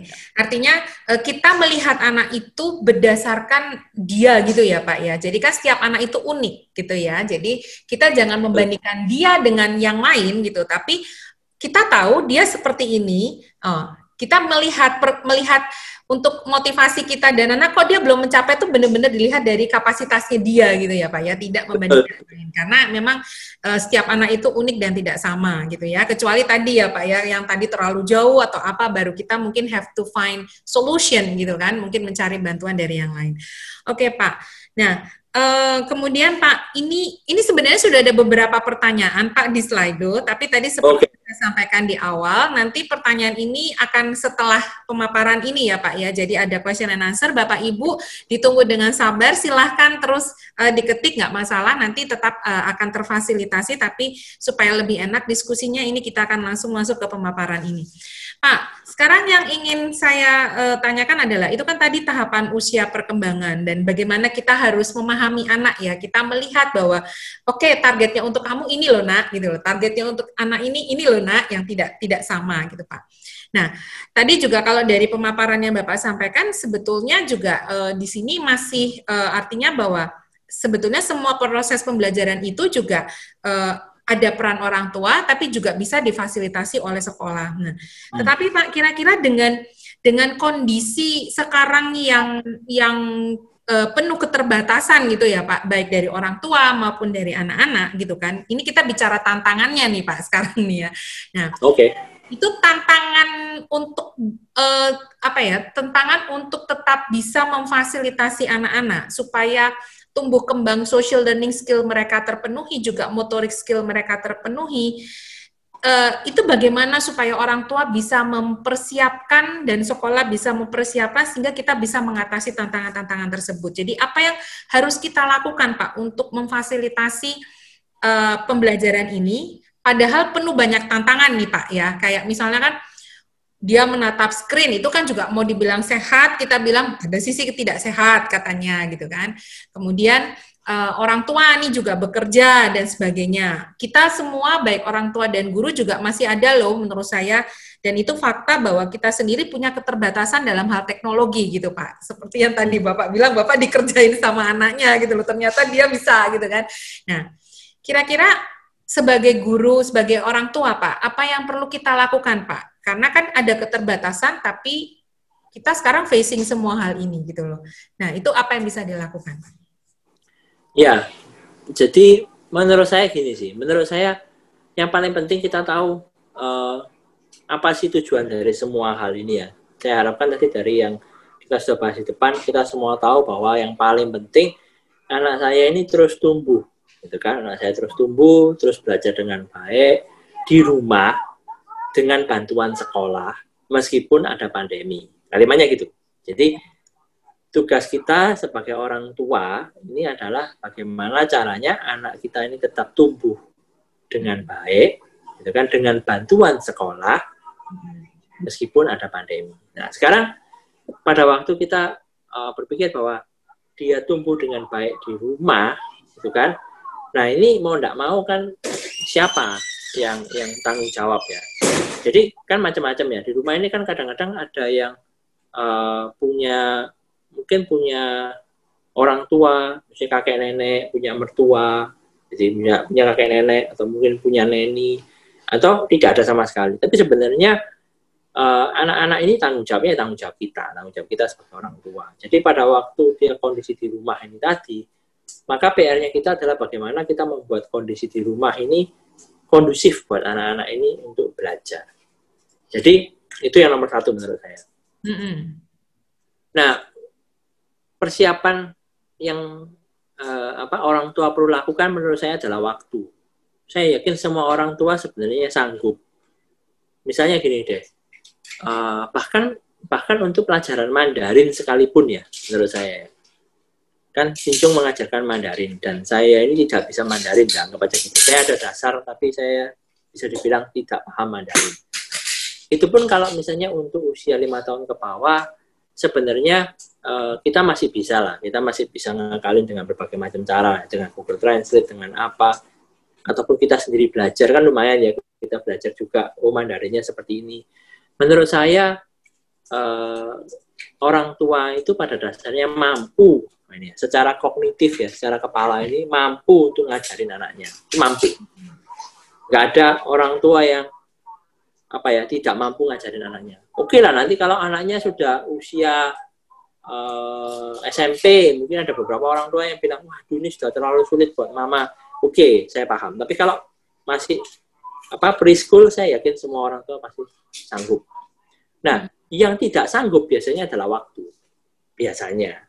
Mm-hmm. Nah jadi menurut saya apa yang tadi kan misalnya nanya apa yang sebenarnya perlu disiapkan kita tidak perlu siapkan apa-apa, kecuali kalau homeschooling ya. Kalau homeschooling, wah banyak sekali yang harus disiapkan. Tapi karena ada sekolah yang membantu, sebenarnya tidak perlu banyak yang disiapkan. Yang perlu yang perlu disiapkan yang paling penting adalah waktu. Waktunya ada dua. Jadi waktu pendampingan saat mereka ini zoom ya, saat mereka face to face, dan waktu di luar itu. Hmm. Jadi waktu pada saat zoom itu sebenarnya uh, memang ini ya rada apa ya kalau dari orang tua kan ada time consuming mungkin ngeselin gitu kan ya. Jadi dia enggak jadi kan dia enggak bisa ngapa-ngapain gitu kan. Nah sebenarnya menurut saya di awal-awal iya. Maksudnya di awal-awal mungkin seminggu pertama kalau kita enggak pernah nemenin anak pasti kayak gitu ya. Tapi berikutnya sebenarnya kita itu akan menemukan sebuah kesenangan tersendiri saya saya cerita yang senangnya dulu ya jadi kesenangan tersendiri pada waktu kita bisa melihat anak kita ini bisa sesuatu. Kalaupun dia tidak bisa, kita tahu dia tidak bisanya di mana. Dan kita juga bisa lihat kan anak orang lain seperti apa. Ya, meskipun tidak bermaksud membandingkan, tapi kita bisa lihat, oh ternyata anak orang lain tuh ada yang pinter-pinter loh, gitu kan. Nah, berarti kan kita bisa ngomong, hey Hugo, did you know that most of your friends can read already? do you think that uh, you want to try reading it atau misalnya practice reading with me? Misalnya seperti itu. Ya itu contohnya. Nah jadi kadang-kadang uh, membandingkan itu bukan untuk kita menyalahkan anak kita. Kenapa kok kamu tidak bisa? Ya inherently dalam pernyataan tadi kita tahu bahwa anak kita tidak bisa tapi tidak perlu lah itu kayak di highlight kamu kok nggak bisa sih? Kamu nggak bisa sih? Tapi kita ngomong eh teman-temanmu itu loh bisa baca And I think it's nice. You can read by yourself. If you want to try reading by yourself, I can help you, you know. We should practice more, yeah. Okay. Nah, ini kan And then kita make appointment. What do you, what do you think about later after dinner we try to read this again, gitu misalnya. Nah, jadi dia bisa oke. Okay. Nah, jadi dia dia akan mulai paham. Nah, itu yang saya bilang. Jadi ada waktunya pada saat Zoom pendampingan dan juga ada waktu di luar Zoom di mana kita ini berusaha fill in the gap tadi. Hmm. Ya, berusaha mengejar gapnya anak kita ini di mana. Yang kedua, uh, sebenarnya kan nemenin pas waktu zoom itu ada keselnya juga karena kita nggak bisa ngerjain yang lain. Nah tergantung memang tergantung pekerjaannya. Jadi kalau misalnya kalau misalnya kita harus ke kantor, ya nggak bisa ngapa-ngapain. Jadi contoh nih ada temannya anak saya kalau sekolah itu dia nggak bisa sampai tuntas sekolahnya. Misalnya dia kira-kira jam 10 gitu ya, dia pasti pamit sama gurunya. Dia bilang, Miss, ya, my mom wants to go to the office. Nah, itu artinya apa? Dia pamit dulu. Oh iya, namanya namanya Claresta. Oh iya, Clay. Jadi di, di, ditutup. Jadi maksudnya apa? Laptopnya itu ditutup, dibawa pergi sama mamanya ke kantor. Itu anaknya nggak bisa ngapain. Hmm. Ada lagi yang kadang-kadang uh, device-nya dia bilang, oke, okay, my mom go to the office. Jadi device-nya tetap ada, gitu kan? Terus kemudian tapi orang tuanya sudah tidak ada. Jadi kalau dia tidak bisa, dia selalu akan ngomong, Miss, ya yeah, I cannot do this, I don't know how to. My mom is not here, dia bilang gitu. Nah, jadi kadang-kadang anak-anak juga, oh ya, gurunya tinggal, ya, oke, okay, it's okay, ya later nanti, later mom, mom will help you. Yang penting kamu ingat dulu aja, nanti harus lakukan ini ya, nanti kamu ngomong sama mama. Itu. Jadi level sampai anak ini pokoknya dia bisa terima instruksi dengan baik, dia bisa mengingat, nah, dia pasti akan bisa nanti komunikasi dengan orang tua. Nah makanya yang harus didukung di sini adalah komunikasi nanti. Sangat amat penting anak-anak ini untuk bisa punya dialog yang baik dengan orang tua. Sangat penting. Karena dengan cara itu, anak ini bisa bercerita apa yang tadi terjadi di sekolah, kemudian kesulitan dia apa. Bahkan pada saat orang tuanya ini tidak bisa mendampingi. Hmm. Nah, kalau bisa mendampingi, apalagi kalau misalnya kita work from home dan kerjaan kita tidak menggunakan uh, device atau kita punya device lain untuk mengerjakan, kita masih bisa lah secara tidak langsung itu memantau masih bisa. Misalnya anak ini online, itu kan uh, di depan kita, jadi kita kerja tapi anak kita ini di depan kita berjarak berapa lah 2 meter di depan kita. Jadi istilahnya kita masih bisa memantau suatu saat kalau perlu apa-apa kita masih bisa bantu dia. Terus karena dia yang pakai speaker gitu kan, jadi kita di ruangan yang sama dia pakai speaker, kita tahu sebenarnya di kelas itu ada apa. Jadi kalau kita perlu ya kita ngasih tahu. Jadi kayak apa ya kayak apa ya prinsip tali ya. Jadi uh, kita pakai tali, kita jadi kalau orang mau manjat tebing itu kan kita pakai tali di perut kita, terus kita tarik tali yang sama, ikat di perut anak kita. Terus kita lepas anak kita perlahan-lahan tambah lama, tambah jauh, tambah lama, tambah jauh. Nah itu juga bisa. Hmm. Jadi menurut saya itu yang orang tua harus lakukan, Miss. Jadi uh, gimana caranya anak-anak ini bisa didampingi lah secara secara waktu ya. Termasuk juga kalau misalnya kita ngomong secara motorik ya motorik ini kalau anak-anak yang paling penting ya memang motorik kasar dan motorik halus ya. Motorik kasar ini ya dengan bermain berlari itu kan. Main bola. Oh, kalau saya sama anak saya itu dari kecil suka main I'm gonna catch you. Nah, itu. Nah hmm. dia itu pasti bisa akan lari-lari kejar saya. Atau pertama saya kejar dia terus dia karena dia tidak mau di, di catch kemudian terus dia yang akan selalu kejar saya Papa I'm gonna catch you. Nah, itu. makanya dia apa suka suka banget ya ngerjain papanya, ngejar papanya itu suka banget. Nah, atau yang menulis, jadi yang terkait dengan menulis, dengan uh, mewarna itu menggunting, ya itu juga anak-anak perlu perlu latihan lah di rumah. Menurut saya gitu. Ya. Nah, peran sekolah apa? Peran sekolah karena sekolah tidak bisa hadir secara fisik. Nah, peran sekolah adalah memberikan ini ya, istilahnya entah itu basic bag, enrichment material, apa pun istilahnya ya, hal-hal yang secara fisik yang bisa anak-anak lakukan di rumah bersama orang tuanya. Jadi misalnya ya, lembar kerja, mungkin stiker, mungkin uh, apa ya tugas untuk arts and crafts untuk melatih mereka dia punya motorik itu bisa bacaan-bacaan sederhana gitu. Bacaan sederhana kalau mungkin anak TK mungkin uh, dua paragraf bisa lah ya dua paragraf itu rata-rata TKB ya rata-rata sudah bisa hmm. menurut saya. Hmm. Ya, ya artinya ini sebenarnya perlu kerjasama ya Pak ya. Orang ada bagian memang yang orang tua lakukan gitu ya, dan cukup banyak ini sekarang yang orang tua harus lakukan, dan ada bagian yang memang menjadi uh, uh, tugas sekolah. Nah Pak, uh, tadi kalau kita bicara pendampingan nih, kan orang tua kita kan juga uh, pekerja juga nih ya Pak ya. Uh, ada yang bisa kerja di rumah gitu kan. Sekarang juga uh, ada yang mungkin saat ini juga sudah ada tuntutan mereka tidak bisa di rumah gitu. Nah, yeah. bagaimana supaya tetap mungkin ada tipsnya nggak Pak? Karena kan kita nggak bisa mendampingi secara langsung, tetapi kan anak tetap perlu didampingi nih Pak kira-kira. Nah mungkin ada tipsnya nggak Pak kira-kira untuk hal itu? Bagi orang tua yang mungkin tidak bisa mendampingi secara langsung untuk anak-anak.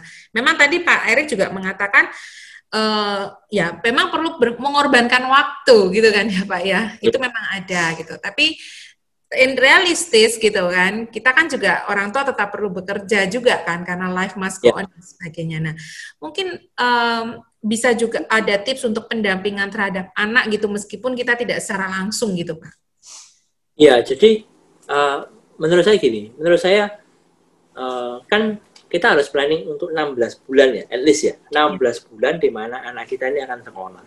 Yeah. Karena kan kita ini kan orang tua, suami istri misalnya gitu ya. Yuk rundingan. Menurut saya nomor satu adalah kita rundingan. Mm-hmm. Kan uh, kita kerja pun juga kan untuk untuk anak kan. Jadi kita kerja pun juga untuk anak. Nah, kalau kita kerja untuk diri sendiri mah gampang, nggak perlu nggak perlu repot-repot. Tapi karena kita kerja untuk anak, makanya kita repot luar biasa. Misalnya kayak gitu kan. Nah, karena kita kerja ini juga untuk anak, maka kita harus pikirkan sebenarnya yang anak butuhkan ini apa. Apa mereka ini butuh duit, gitu kan? Apa sebenarnya mereka ini butuh kita? Nah, ini, jadi kita harus set prioritas kita dengan baik. Okay. Nah, kalau kalau sudah perundingan, uh, gimana ya enaknya 16 bulan ke depan gitu kan? Misalnya gantian, ya, saya cover sampai bulan sekian tidak ada masalah. Tapi ini mesti nego sama bos masing-masing. Jadi misalnya kalau misalnya uh, apa kedua orang tua ini masih uh, employee lah masih masih pegawai masih punya bos kan tidak bisa saya nanya sendiri juga harus nego. Ya diatur supaya bisa nego. Uh, misalnya nego yang paling gampang itu gini menurut saya. Uh, pagi itu kalau bisa pada waktu set up anak-anak ini mulai orang tuanya ini ikut. Karena itu ada dukungan moral yang luar biasa.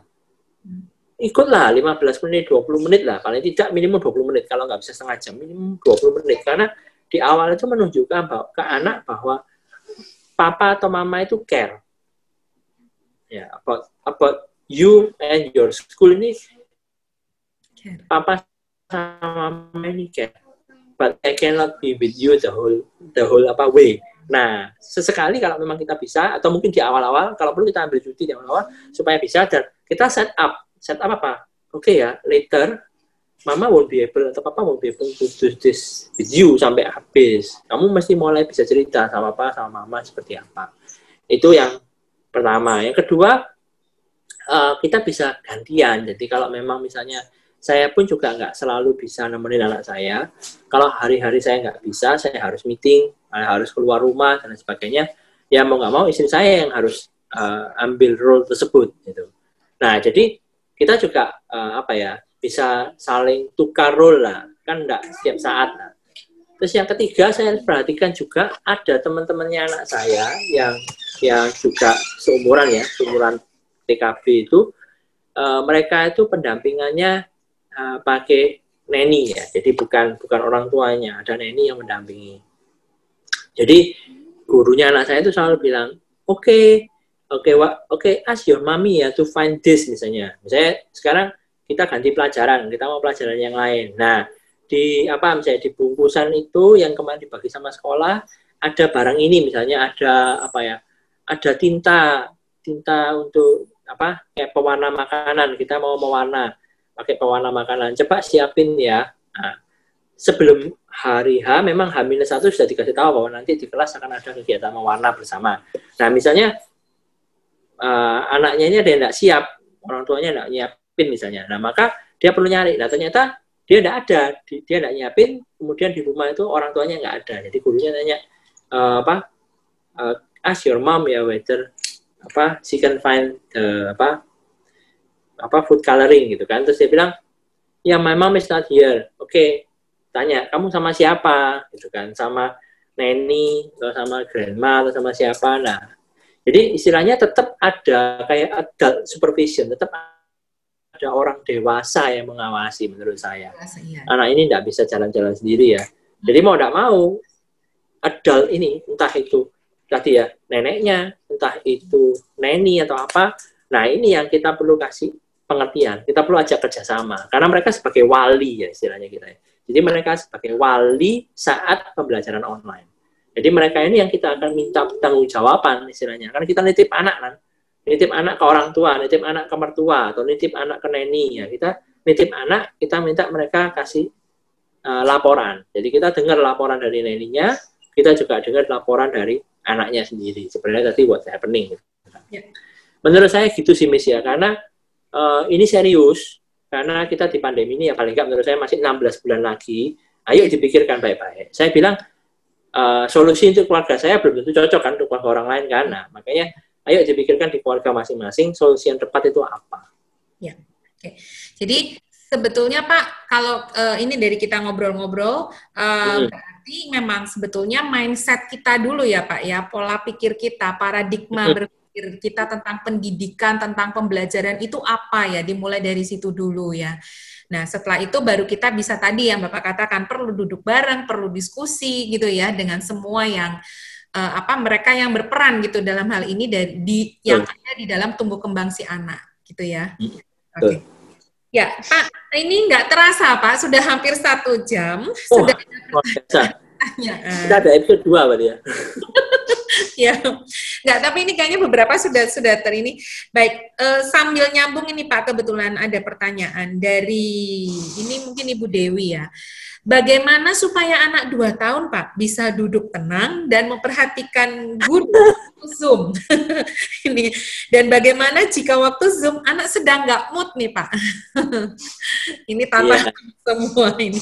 Iya pak yeah. gimana pengalamannya gimana nih pak?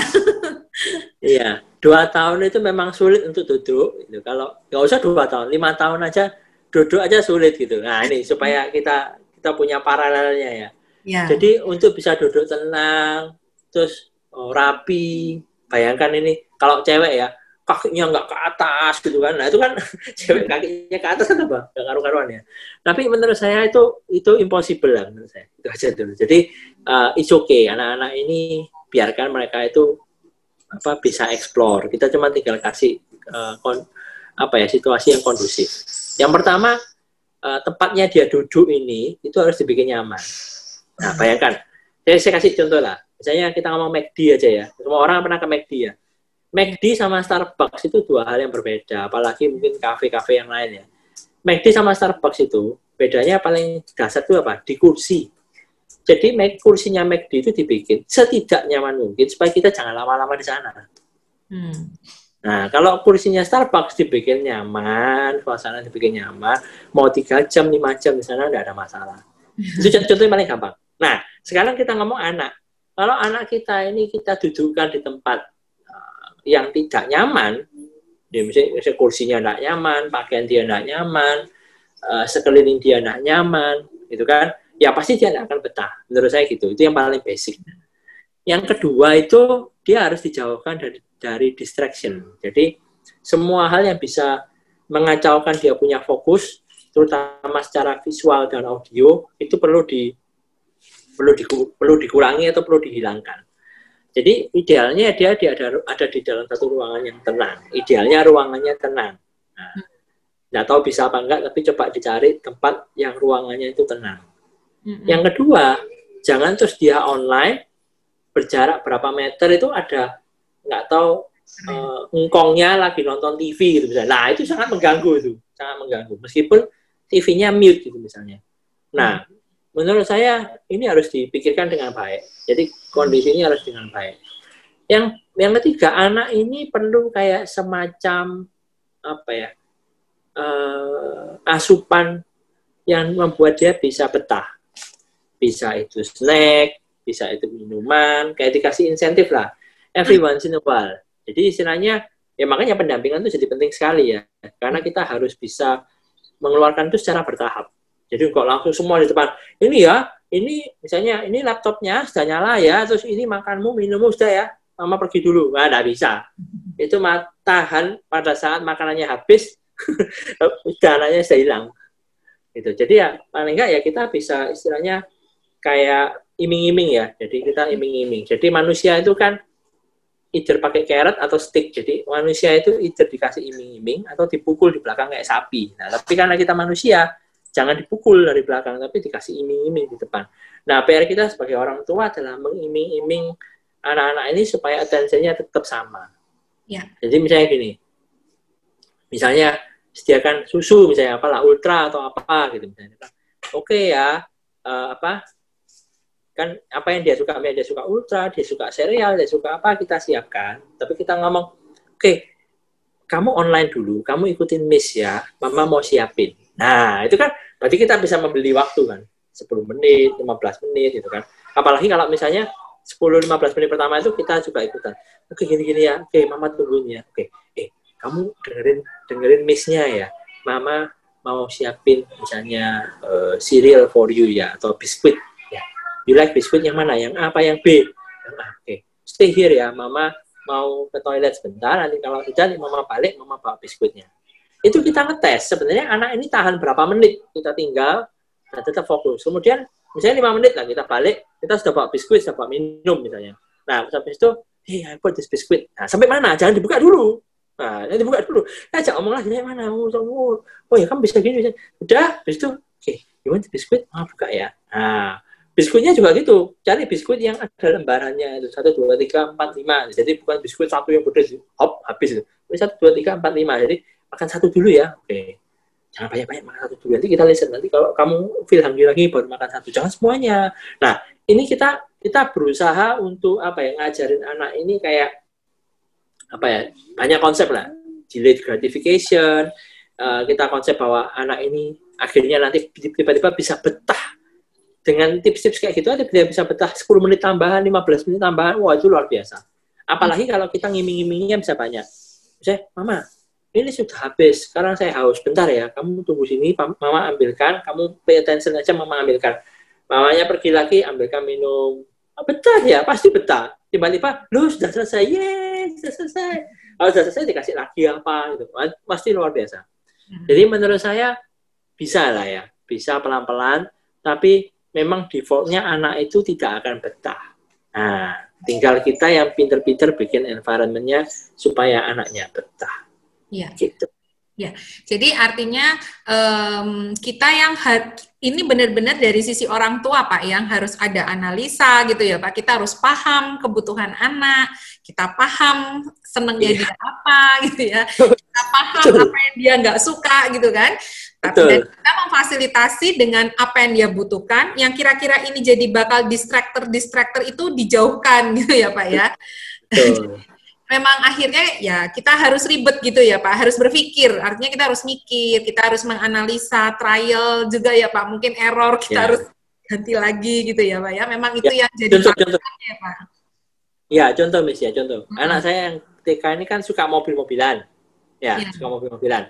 Nah, jangan dikasih mobil-mobilan malahan. Iya. Kalau ada nanti gurunya nggak dianggap dia memang mobil-mobilan sendiri. Nah, itu. Jadi kita mesti hati-hati. Apa yang maksudnya apa yang dikasih, apa yang nggak dikasih. Justru ya. malah harus hati-hati lah. Ya, ya intinya parenting itu bukan seperti nggak ada formula formulanya itu ada tapi XZ-nya itu harus ngisinya beda-beda gitu kan ya Pak ya kalau namanya parenting. Betul. Ya. Tiap anak beda soalnya. Soalnya tiap anak beda gitu. Oke. Bahkan saudara pun juga bisa beda gitu ya Pak ya. Punya anak tiga tadi ya Bapak, anak yang pertama, kedua, ketiga pasti pendekatannya uh, apa yang difasilitasi itu juga beda ya. Oke, okay. ya, Pak, ini banyak sekali pertanyaan, tapi tadi menurut saya beberapa okay. sudah sempat terjawab. Seperti ada pertanyaan, gimana cara melatih learning skill anak dan kinestetik untuk online school? Tadi Bapak sudah menyinggung juga di awal ya ini ya. Atau mungkin ada perlu tips teknis yang lebih teknis spesifik lagi, Pak? Iya, Ya, jadi ini menarik nih pertanyaannya. Ya. Uh, karena saya tidak menyebut kinestetik. Jadi menarik sekali ini. Ini yang nanya bukan orang biasa.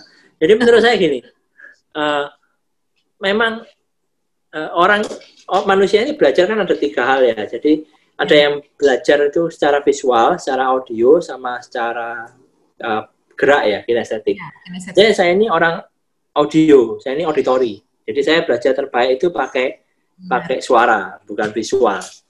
Tapi banyak orang boleh dibilang mungkin uh, dua per tiga ya, mungkin 65 persen orang itu visual kebanyakan, 20 persen kira-kira itu auditori, sisanya itu kinestetik.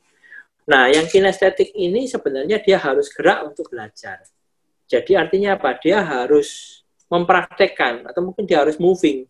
Nah, anak saya nomor 2 sama nomor 3 ini semuanya adalah kinestetik gitu. Hmm. Nah, anak-anak kinestetik ini mereka nggak akan bisa apa berhenti bergerak. untuk bergerak dan kita harus bisa ngertiin itu juga gitu loh. Hmm. Jadi uh, mungkin mereka akan bagus kalau jadi penari, mereka akan bagus kalau memang jadi performer atau apa. Tapi pada dasarnya selama masa-masa sekolah kita juga harus bisa pahami lah bahwa oke okay, anak ini perlu gerak.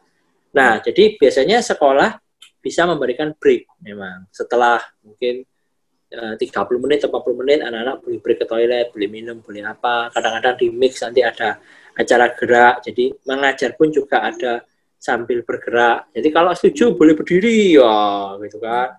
Kalau siapa yang jawab A apa sit ya, yang jawab B berdiri gitu kan.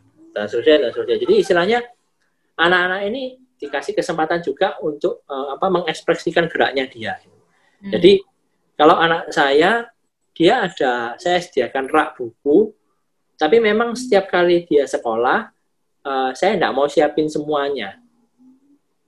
Jadi misalnya ada apa gitu ya nanti ibu yang ngomong, oke, okay, apa misalnya siapkan buku. Sekarang kita masuk bahasa Inggris, oke, okay, siapin buku bahasa Inggris sama apa gitu, sama sama pensil case atau sama marker. Nah, saya bilang, oke, okay, go get your book sama pensil case. Jadi dia akan berdiri, berdiri, gerak, ambil. Nah itu bagi dia itu membuat dia tidak bosen jadinya. Ya. Justru karena karena saya tahu dia kinestetik, saya nggak nyiapin semua di depan. Hmm. Justru saya kasih jarak, paling nggak dia berdiri melangkah, nggak sampai lima langkah, ambil kembali lagi, dan dia happy. Terus kalau misalnya saya nggak lengkap, saya, buku, uh, eh, apa? Ini kok nggak lengkap misalnya? Go get me that other bag, your apa great bag, give it to me. Misalnya ambilkan ini, ambilkan itu. Dia akan dengan happy melakukan itu karena dia adalah orang yang kinestetik. Hmm. Nah itu itu menurut saya kalau anak yang kinestetik harus sedikit berbeda ya naturnya. Ya. Nah kalau learning skill menurut saya anak ini harus diajak belajar dari dunia itu jawabannya. Jadi anak ini seperti kita aja lah kita ini kan sudah lewat sekolah kan sudah lama ya. Jadi, tapi kan kita nggak pernah berhenti belajar. Nah itu makanya kan. Jadi belajar lebih tinggi daripada sekolah. Saya sudah lulus sekolah sejak kapan? Sudah nggak, sudah nggak pernah sekolah lagi. Tapi saya nggak pernah berhenti belajar. Nah, bagaimana caranya kita menanamkan e, minat belajar ke anak kita? Minat belajar gampang. Cara belajar itu yang lebih sulit. Nah ini yang kita perlu training ke anak-anak kita bahwa dia bisa belajar dari dunia nyata yang paling gampang yang anak uh, kecil bisa lakukan itu adalah skill untuk observasi menurut saya. Hmm. Ajarin anak-anak ini untuk observasi dan juga ngambil perspektif dari orang lain. Jadi observasi sama kedua itu adalah empati. Ini sangat penting sekali untuk kita uh, skill belajar, skill sukses yang berikutnya adalah observasi dan empati. Jadi misalnya gini, misalnya kita ngomong uh, apa, misalnya Hugo, misalnya kamu sayang nggak sama grandpa gitu kan. Dia bilang sayang. Nah pertanyaannya why? Nah nanya why? Kan dia mulai ngomong ya yeah, because grandpa itu is very kind. He always like he always cook food for me meal. He always like give me meals. Jadi yang dia ingat tentang grandpa itu grandmanya itu yang selalu masak dan ngasih makan dia.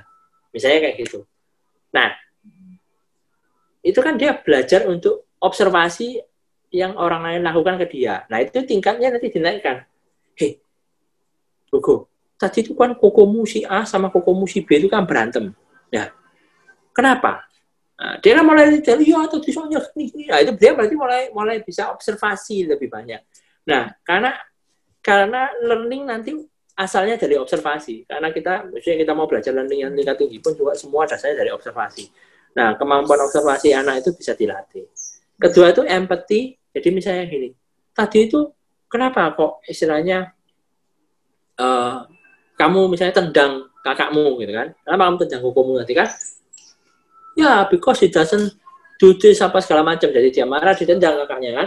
Terus dia bilang, uh, kenapa kok sekarang kokomu kok nangis? Kamu tendang.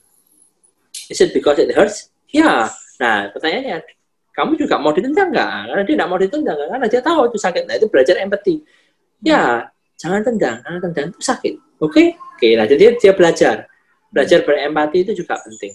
Nah menurut saya uh, untuk anak-anak yang kinestetik sama uh, kemampuan untuk belajar sendiri, menurut saya harus dibangun lewat conversation ya. Jadi hmm. kita perlu diskusi sama anak, perlu bahkan kemampuan untuk refleksi itu tadi. Refleksi. Makanya sangat penting, tidak boleh apa ya dialog antara anak dan orang tua itu putus, itu tidak boleh, itu tidak boleh. Kalau kalau itu putus atau hilang, wah ini semua itu fondasinya langsung hancur, tidak bisa ngapa-ngapain kita. Ya, ya. Ya, jadi artinya Pak ada sesuatu apa pun yang terjadi kalau dibilang problem solving ya Pak untuk menumbuhkan problem solving skill dan tadi sekaligus empati artinya segala sesuatu yang terjadi itu kita perlu komunikasi dengan anak bukan menyalahkan ya, Betul. ya Pak tapi supaya belajar Betul. sehingga kan itu uh, menstimulasi juga ya untuk dia mikir refleksi gitu ya jadi enggak oke okay, berantem kamu udah mas sorry finish enggak gitu ya Pak jadi perlu ada dialog supaya justru dari dari dialog itu anak melatih refleksi apa reflektif skillnya mereka dan akhirnya mereka belajar justru ya dari kesalahan-kesalahan itu ya. Ya, jadi yang penting gini, banyak orang tua itu berhentinya dimarahin. Ya. Ini bukan refleksinya. Jadi marahinnya yang lama. Salah loh, tidak boleh gini, salah, salah, salah, salah. Tidak perlu. Anak cuma itu salah. Ya. Kamu ya. tahu enggak itu salah? Ya. Tahu kenapa salah? Nah, kalau sudah, kamu tahu mesti gimana? Nah, itu yang lebih penting Nah, gimana caranya supaya kamu nggak ngulang lagi itu? Jadi kita move on dari dari nyalain orang, nyalain itu sebentar aja, nggak usah lama-lama. Yang penting dia sadar bahwa dia salah. Nah, cenderungnya kan orang tua itu cenderungnya kan salahnya itu ditekankan, terus diingat besoknya kamu kemarin salah loh gini, nah, itu tidak penting menurut saya. Ya, oke okay, Pak. Ya, Pak ini ada pertanyaan, ini kayaknya cukup akademis pertanyaan ini. Push, luar biasa. serem ya, parentsnya ini serem-serem. Jadi tadi kita belum ini.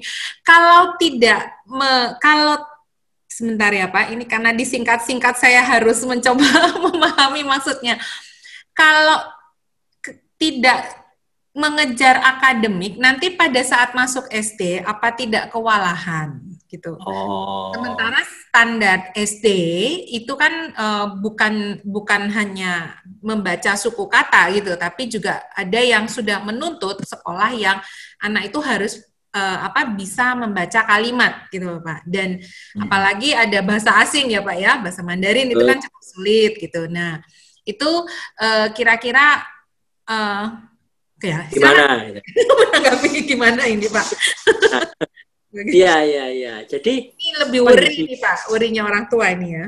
Iya, iya, iya. Jadi perlu tahu dulu ya bahwa pendidikan formal itu asalnya dari mana. Nah, ini ini ngomong pendidikan formal itu sejarahnya baru ada setelah revolusi industri. Jadi setelah ada pabrik baru ada namanya pendidikan formal. Ini supaya supaya paham dulu ya.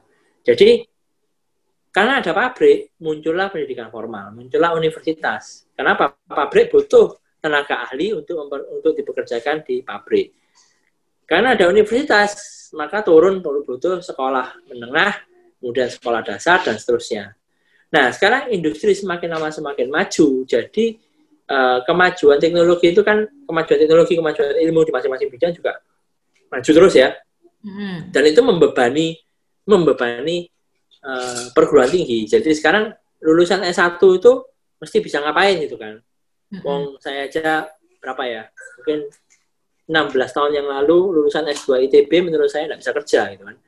Karena apa? Karena apa yang diajarkan di sekolah sama yang diajarkan di dunia kerja itu tidak tidak seimbang menurut saya.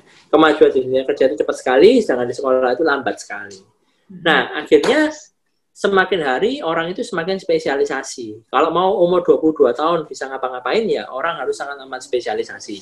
Nah, ini kalau kita ngomong apa pemerintah misalnya pemerintah Jokowi kan berusaha untuk anak-anak ini semakin spesialisasi dengan hmm. banyaknya prodi-prodi baru ini kalau ngomong pendidikan tinggi.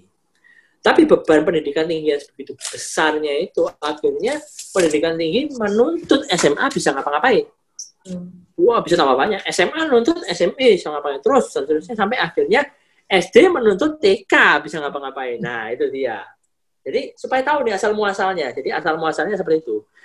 Jadi asal muasalnya istilahnya anak kita akan jadi pegawai di pabrik maksudnya gitu.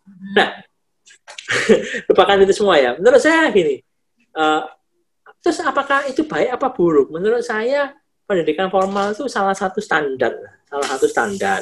Menurut saya anak kita harus lebih daripada itu. Itu, nah ini, ini mindsetnya gitu ya. Jadi uh, ngapain kita sekolah kalau ujungnya anak-anak kita jadi karyawan pabrik? Gitu. Nah makanya kalau kita cuma levelnya sekolah ya jadi uh, karyawan pabrik. Tapi kalau kita mau lebih dari apa yang ada di sekolah, apalagi misalnya Sincong maunya menjadi apa leader ya, future leader di Asia. Nah, maka kalau standarnya yang dikejar adalah itu, ya harapannya seperti itu. Jadi kita sekolah itu, anak kita sekolah itu supaya anak kita itu bisa beyond school itu maksudnya, lebih daripada itu. Karena sekolah aja ya, ya jadi biasa. Nah, sekarang pertanyaannya valid. Bagaimana anak saya bisa beyond kalau dia belum siap untuk sekolah kan? Pertanyaannya seperti itu. Nah saya dulu ada satu buku matematika ya.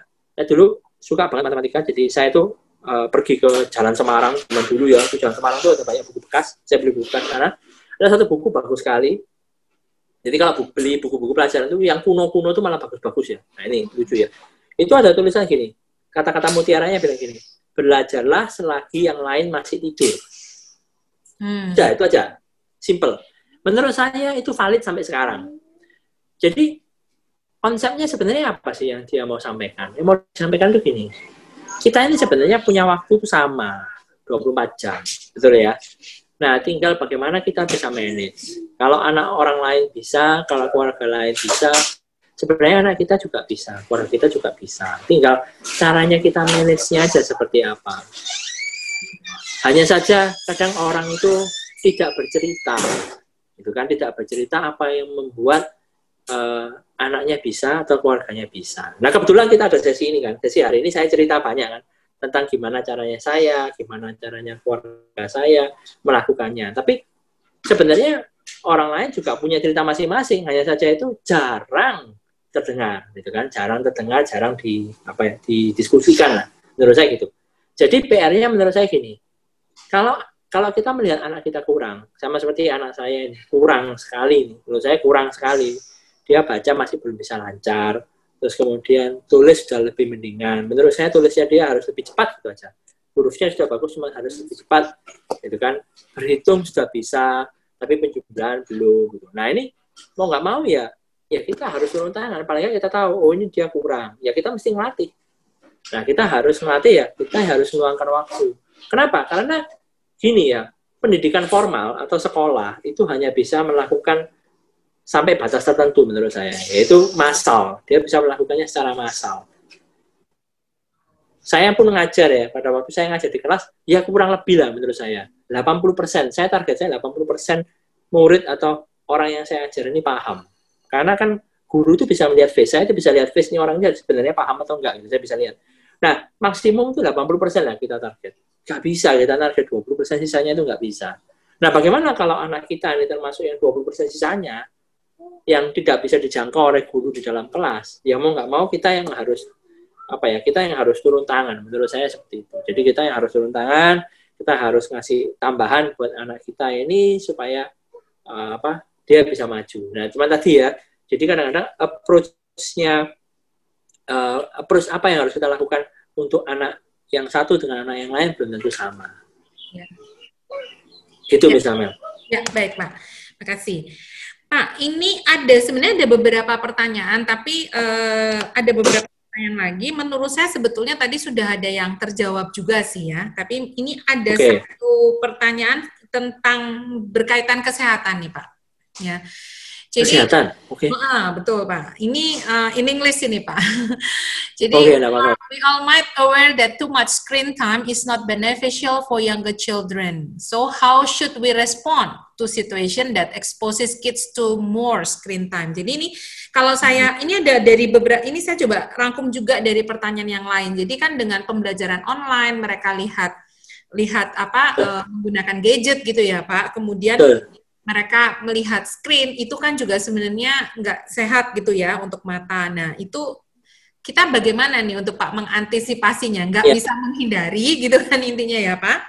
Uh, tetapi uh, bagaimana kita tetap bisa membuat itu uh, apa efektif, efisien juga untuk anak-anak dan sehat untuk anak-anak kita, gitu Pak? Ya, ya, ya. Saya sadar sekali masalah hal ini. Jadi hmm. uh, begini, konsep paling dasar ini, anak itu meniru apa yang dilakukan orang tua. Nah itu penting.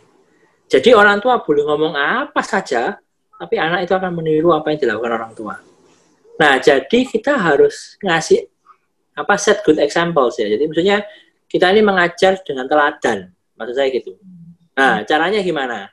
Saya di rumah itu selalu mengintroduce yang namanya break time. Break time. Break time itu bukan cuma break. Saya maksudnya break from screen, break time. Literally break time. Jadi saya mulai memang dari anak saya yang paling kecil. Jadi pada waktu saya kan setiap hari sekarang saya meeting juga pakai Zoom kan. hmm Jadi meeting terus panjang hari dan saya lelah. Saya juga merasa lelah. Saya aja lelah apalagi anak saya kan. Mm. Jadi ya saya pasti akan uh, apa? Kalau saya kan rumahnya dua lantai nih, saya, saya di atas itu kan. Saya akan turun ke bawah. Kemudian saya cari anak saya yang kecil ini. Saya bilang, uh, saya juga takut karena kan dia juga pakai kacamata nih, kecil sebagai kacamata karena dia apa ya silinder matanya. Jadi dia nggak boleh lihat screen terlalu banyak juga. Jadi saya sangat concern. Jadi saya turun, saya bilang, Hugo, gitu kan, it's break time. Let's have a break. Nah, break time itu maksudnya apa? Kita nongkrong di depan. Hmm. Jadi cowok-cowok nongkrong di depan, gitu kan, hmm. Gak ngerokok ya, nongkrong, nongkrong di depan. Apa? Main cerita-cerita, kadang main mobil-mobilan, kita ngobrol. Karena di situ dia akan break time, ya tahu, keluar dari keluar dari screen, Kemudian kita akan ngobrol hal-hal yang penting-penting. Hari ini ada apa? Saya bisa melatih dia untuk melakukan sesuatu yang saya bisa memberi makna, yang ngajarin value-value di sana. Nah, setelah itu dilakukan setiap hari selama sekian lama, akhirnya dia tahu. Setiap kali saya turun yang ditanya, Papa, is it break time now? Gitu kan, dia bilang gitu. Hmm. Wait, wait, wait, Papa mau makan dulu. It's almost break time. Nah, itu kan, jadi ya, ya. Papa makan nanti dan kita have break time. Yang ke, yang kedua, saking sukses, saking suksesnya ya, jadi sangat sukses sekali sampai kita mulai ngomong, oke, okay, let's invite your brothers ya, nah gitu, let's invite your brothers to join break time. Nah, karena yang kakak-kakaknya lebih lama lagi nempel sama laptop, ya, sepanjang hari nempel sama laptop. Ya dipanggil pelan-pelan, dipanggil pelan-pelan, akhirnya mereka mau, ada anak saya nomor dua itu ke mana-mana laptop dibawa, jalan mau makan dibawa apa dibawa. Jadi laptop tuh dibawa ke mana-mana.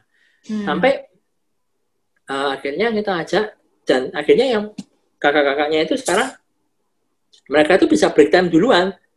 Hmm. sama anak saya yang kecil bisa break time duluan. Jadi saya turun ada kadang-kadang mereka sudah dibawa sedang nongkrong jadi sebenarnya semua itu kita bisa set culture di rumah itu kita bisa set ya kan kita bisa apa mengajar mencapai satu tujuan itu dengan melakukan dengan memberi teladan menurut saya. Mm-hmm. Jadi kalau kita nggak mau anak kita itu spend time banyak dengan screen, ya kita juga harus ada breaknya dari screen dan bikin break itu official kita declare pakai nama tertentu sehingga anak ini merasa excited untuk melakukan itu sama parentsnya.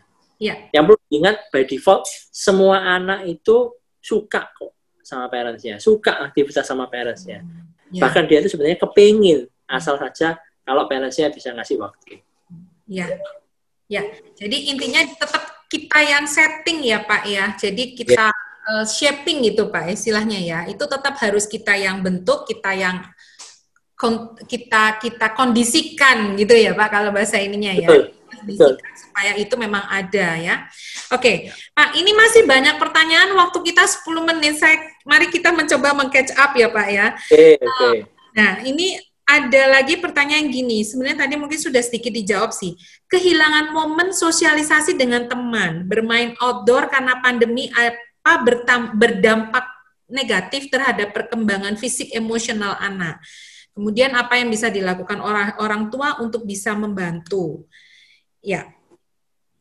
Ya, betul. Jadi pasti ngefek lah. Nggak mungkin kalau nggak ngefek itu nggak mungkin pasti ngefek. Cuman di kelas itu menurut saya uh, perlu juga untuk highlight masing-masing anak dan anak bisa pay attention ke anak yang lain. Jadi misalnya kalau anak saya itu biasanya kelas itu kadang kadang-kadang ada satu sesi di mana anak-anak ini boleh bawa mainan favoritnya mereka. Hmm. Gitu kan? Terus mereka boleh cerita tentang mainan favoritnya ini apa, kenapa mereka suka sama mainan favoritnya. Sebenarnya ngajar apa sih? Cuman ngajar warna. Gurunya ini ngajar warna, tapi pada waktu hamil satu, uh, gurunya ngasih tahu ke orang tua, tolong anaknya itu bawa satu mainan favoritnya. Nah, tapi dari situ sebenarnya anak ini dilatih untuk sharing dan anak ini sebenarnya dilatih untuk observasi. Dan anak saya ingat semua, istilahnya, oh ya si ini sukanya itu, si itu sukanya ini, apa, oh itu loh, lihat rumahnya dia, oh dia ada ini, oh dia ada itu. Jadi apa pun itu sebenarnya menarik, interaksi itu sebenarnya menarik. Tinggal bagaimana caranya, uh, apa, uh, belum memang menurut saya masih belum ada banyak diskusi antara anak-anak itu tadi. Jadi yang ada memang anak ke guru, anak melakukan observasi, tapi diskusi antar anak memang masih belum. Menurut saya uh, suatu saat mungkin ya kalau sudah cukup dewasa, mungkin TKB itu sebenarnya bisa dicoba, bisa dibikin percobaan di kelas uh, apa ada interaksi di kelas kecil ya. Jadi kita bikin breakout room gitu misalnya. Terus di kelas kecil itu ada berapa anak itu tiga atau empat anak mereka bisa uh, kayak diskus tentang sesuatu lah apa pun itu. Ya. Nah kalau di rumah sendiri menurut saya masalah motorik ya itu motorik kasarnya dia terutama kayak misalnya berlari dan sebagainya memang pasti akan terdampak. Ya kan saya nggak tahu masing-masing uh, keluarga ini punya rumah seperti apa, terus kemudian lingkungan ini ya lingkungan tetangganya seperti apa apakah perumahannya tinggal di perumahan atau tinggal di jalan raya saya kan juga nggak tahu. Jadi menurut saya butuh investasi memang. Hmm. menurut saya butuh investasi. Misalnya gini anak saya dulu yang besar kalau nggak pandemi dia akan sepedaan di perumahan. Tapi kalau ada pandemi gini kan kita juga khawatir. Nah jadi sebenarnya caranya ya kita cari jalan jalan atau daerah yang sepi sama seperti zaman dulu. Kalau orang belajar sepeda atau belajar nyetir mobil cari daerah yang sepi berangkat pagi-pagi misalnya kayak Sabtu pagi atau Minggu pagi kita berangkat ke sana kemudian ya anak-anak ini dilepas mereka bisa main-main gitu kan di sana main bola mau main badminton mau main apa lari-lari juga boleh. Jadi kita yang orang tua memang harus go extra mile ya. Jadi kita harus memang e, cari tempat-tempat itu kita ke sana kita adakan kayak semacam ya apa ya kayak jalan bareng keluarga tapi kita sudah kita sudah survei dulu lah tempat ini cocok nih untuk anak-anak kita apa melepas kebosanan di rumah kita tinggal bawa bola bawa badminton bawa raket ya bawa raket bawa apa bawa apa mereka bisa main di sana ya sampai batas waktu tertentu gitu jadi misalnya ya uh, tinggal anaknya dibangunin pagian gitu aja supaya mereka bisa punya itu ya, ya. Bang. Pak, ini waktu kita habis, tapi masih ada, saya coba usahakan dalam dua menit ya Pak ya. Ini okay. saya mencoba pertanyaan yang ini. Jadi ini Pak, ini saya mencoba menggabungkan pertanyaannya, gini. Uh, sebentar. Lebih ini sih Pak, bagaimana itu kira-kira uh, ada tips nggak Pak untuk mencarikan sekolah yang tepat gitu loh Pak, untuk anak-anak kita. Apalagi kan uh, anak kita nih punya keunikan yang berbeda gitu ya, punya punya kebutuhan yang mungkin berbeda. Nah, bagaimana mungkin ada tips bagaimana mencari ya. sekolah yang tepat untuk anak kita, apalagi sekarang masanya online ya Pak ya. Uh, dan kemudian juga satu ini masih berkaitan juga sini Pak. Uh, bagaimana uh, kalau sekarang ini kan ada sekolah yang dua bahasa, tiga bahasa gitu kan. Nah ini juga ini sebalik lagi tipsnya apa nih Pak? Apa enggak sekolah tiga bahasa untuk dua bahasa ini untuk anak-anak yang baru belajar untuk bicara tuh jadi membuat mereka bingung. Nah kira-kira itu Pak. Oh, oke oke oke. Okay. Satu-satu dulu ya. Saya jawab yang bahasa dulu ya. Sebenarnya enggak. Jadi otak manusia itu akan lebih cepat belajar bahasa pada waktu dia masih muda. Jadi kalau bisa selama muda, maksudnya masih umur usia usianya masih di bawah 8 tahun, sebanyak mungkin bahasa semakin baik. Itu itu pasti sudah. Anak mau belajar 7 bahasa, 8 bahasa ya enggak apa-apa selama masih masih muda. Memang akibatnya, ini ada akibatnya, ada side efeknya. Kalau memang dia, akibatnya mereka akan sulit ya. Mereka akan sulit untuk mahir di salah satu bahasa, pasti akan sulit. Ya, misalnya, saya gini, anak diajarin tiga, Indonesia, Inggris, Mandarin. Dia pasti akan tendensinya ke salah satu yang dia prefer. Misalnya dia prefer Inggris ya, dia akan tendensinya Inggrisnya kuat. Tapi second language-nya dia, misalnya second language-nya Mandarin, third language-nya Indonesia, atau dibalik gitu ya. Second language-nya itu akan lemah, akan lama dia bisa develop. Uh, begitu pula yang third language-nya. Tapi uh, kalau itu dijalankan terus ya, jadi pendidikan ini terus menerus dilakukan sampai mungkin 8 tahun, gitu ya, sampai usia 8 tahun, 9 tahun, hasilnya akan sangat bagus. Maksudnya anaknya ini akan bisa pick up tiga-tiganya itu dengan baik. Kalau misalnya tiga, tiga bahasa ya, menurut saya gitu. Begitu pula kalau misalnya mau, kan ini paling banyak itu fenomena ini di Eropa ya, terutama di daerah Jerman, itu kan eh, Jerman dan sekitarnya itu kan ada banyak sekali bahasa. Dan itu biasa, anak-anak di sana bisa 5 sampai 7 bahasa itu biasa. Anak-anak bisa 5 sampai 7 bahasa bisa. Biasa. Sedangkan orang dewasa kalau ditaruh di sana belum tentu dalam waktu lima tahun bisa tujuh bahasa. Itu aja namanya. Ya. Jadi justru anak-anak yang paling bisa. Nah, sekarang masalah sekolah ya. Menurut saya gini, sama seperti tadi yang analogi saya cerita di depan bahwa kita ini punya keluarga, punya rumah, punya anak-anak ini kan satu pulau kecil ya. Kita ini mau connect ke sekolah yang mana kan? Kita mau connect ke sekolah jadi pulau besar yang mana? Itu sebenarnya pilihan ada di, di kita. Jadi kalau memang anaknya masih belum sekolah atau siap untuk dipindahkan sekolah itu menurut saya karena kan ini masih ada paling nggak dua tahun lagi lah anak kita. Misalnya ada teman-teman di sini yang anaknya PGB mau masuk TKA gitu misalnya. Ini kan masih dua tahun. Dua tahun ini anggap aja masih uh, either either full online atau hybrid nah menurut saya.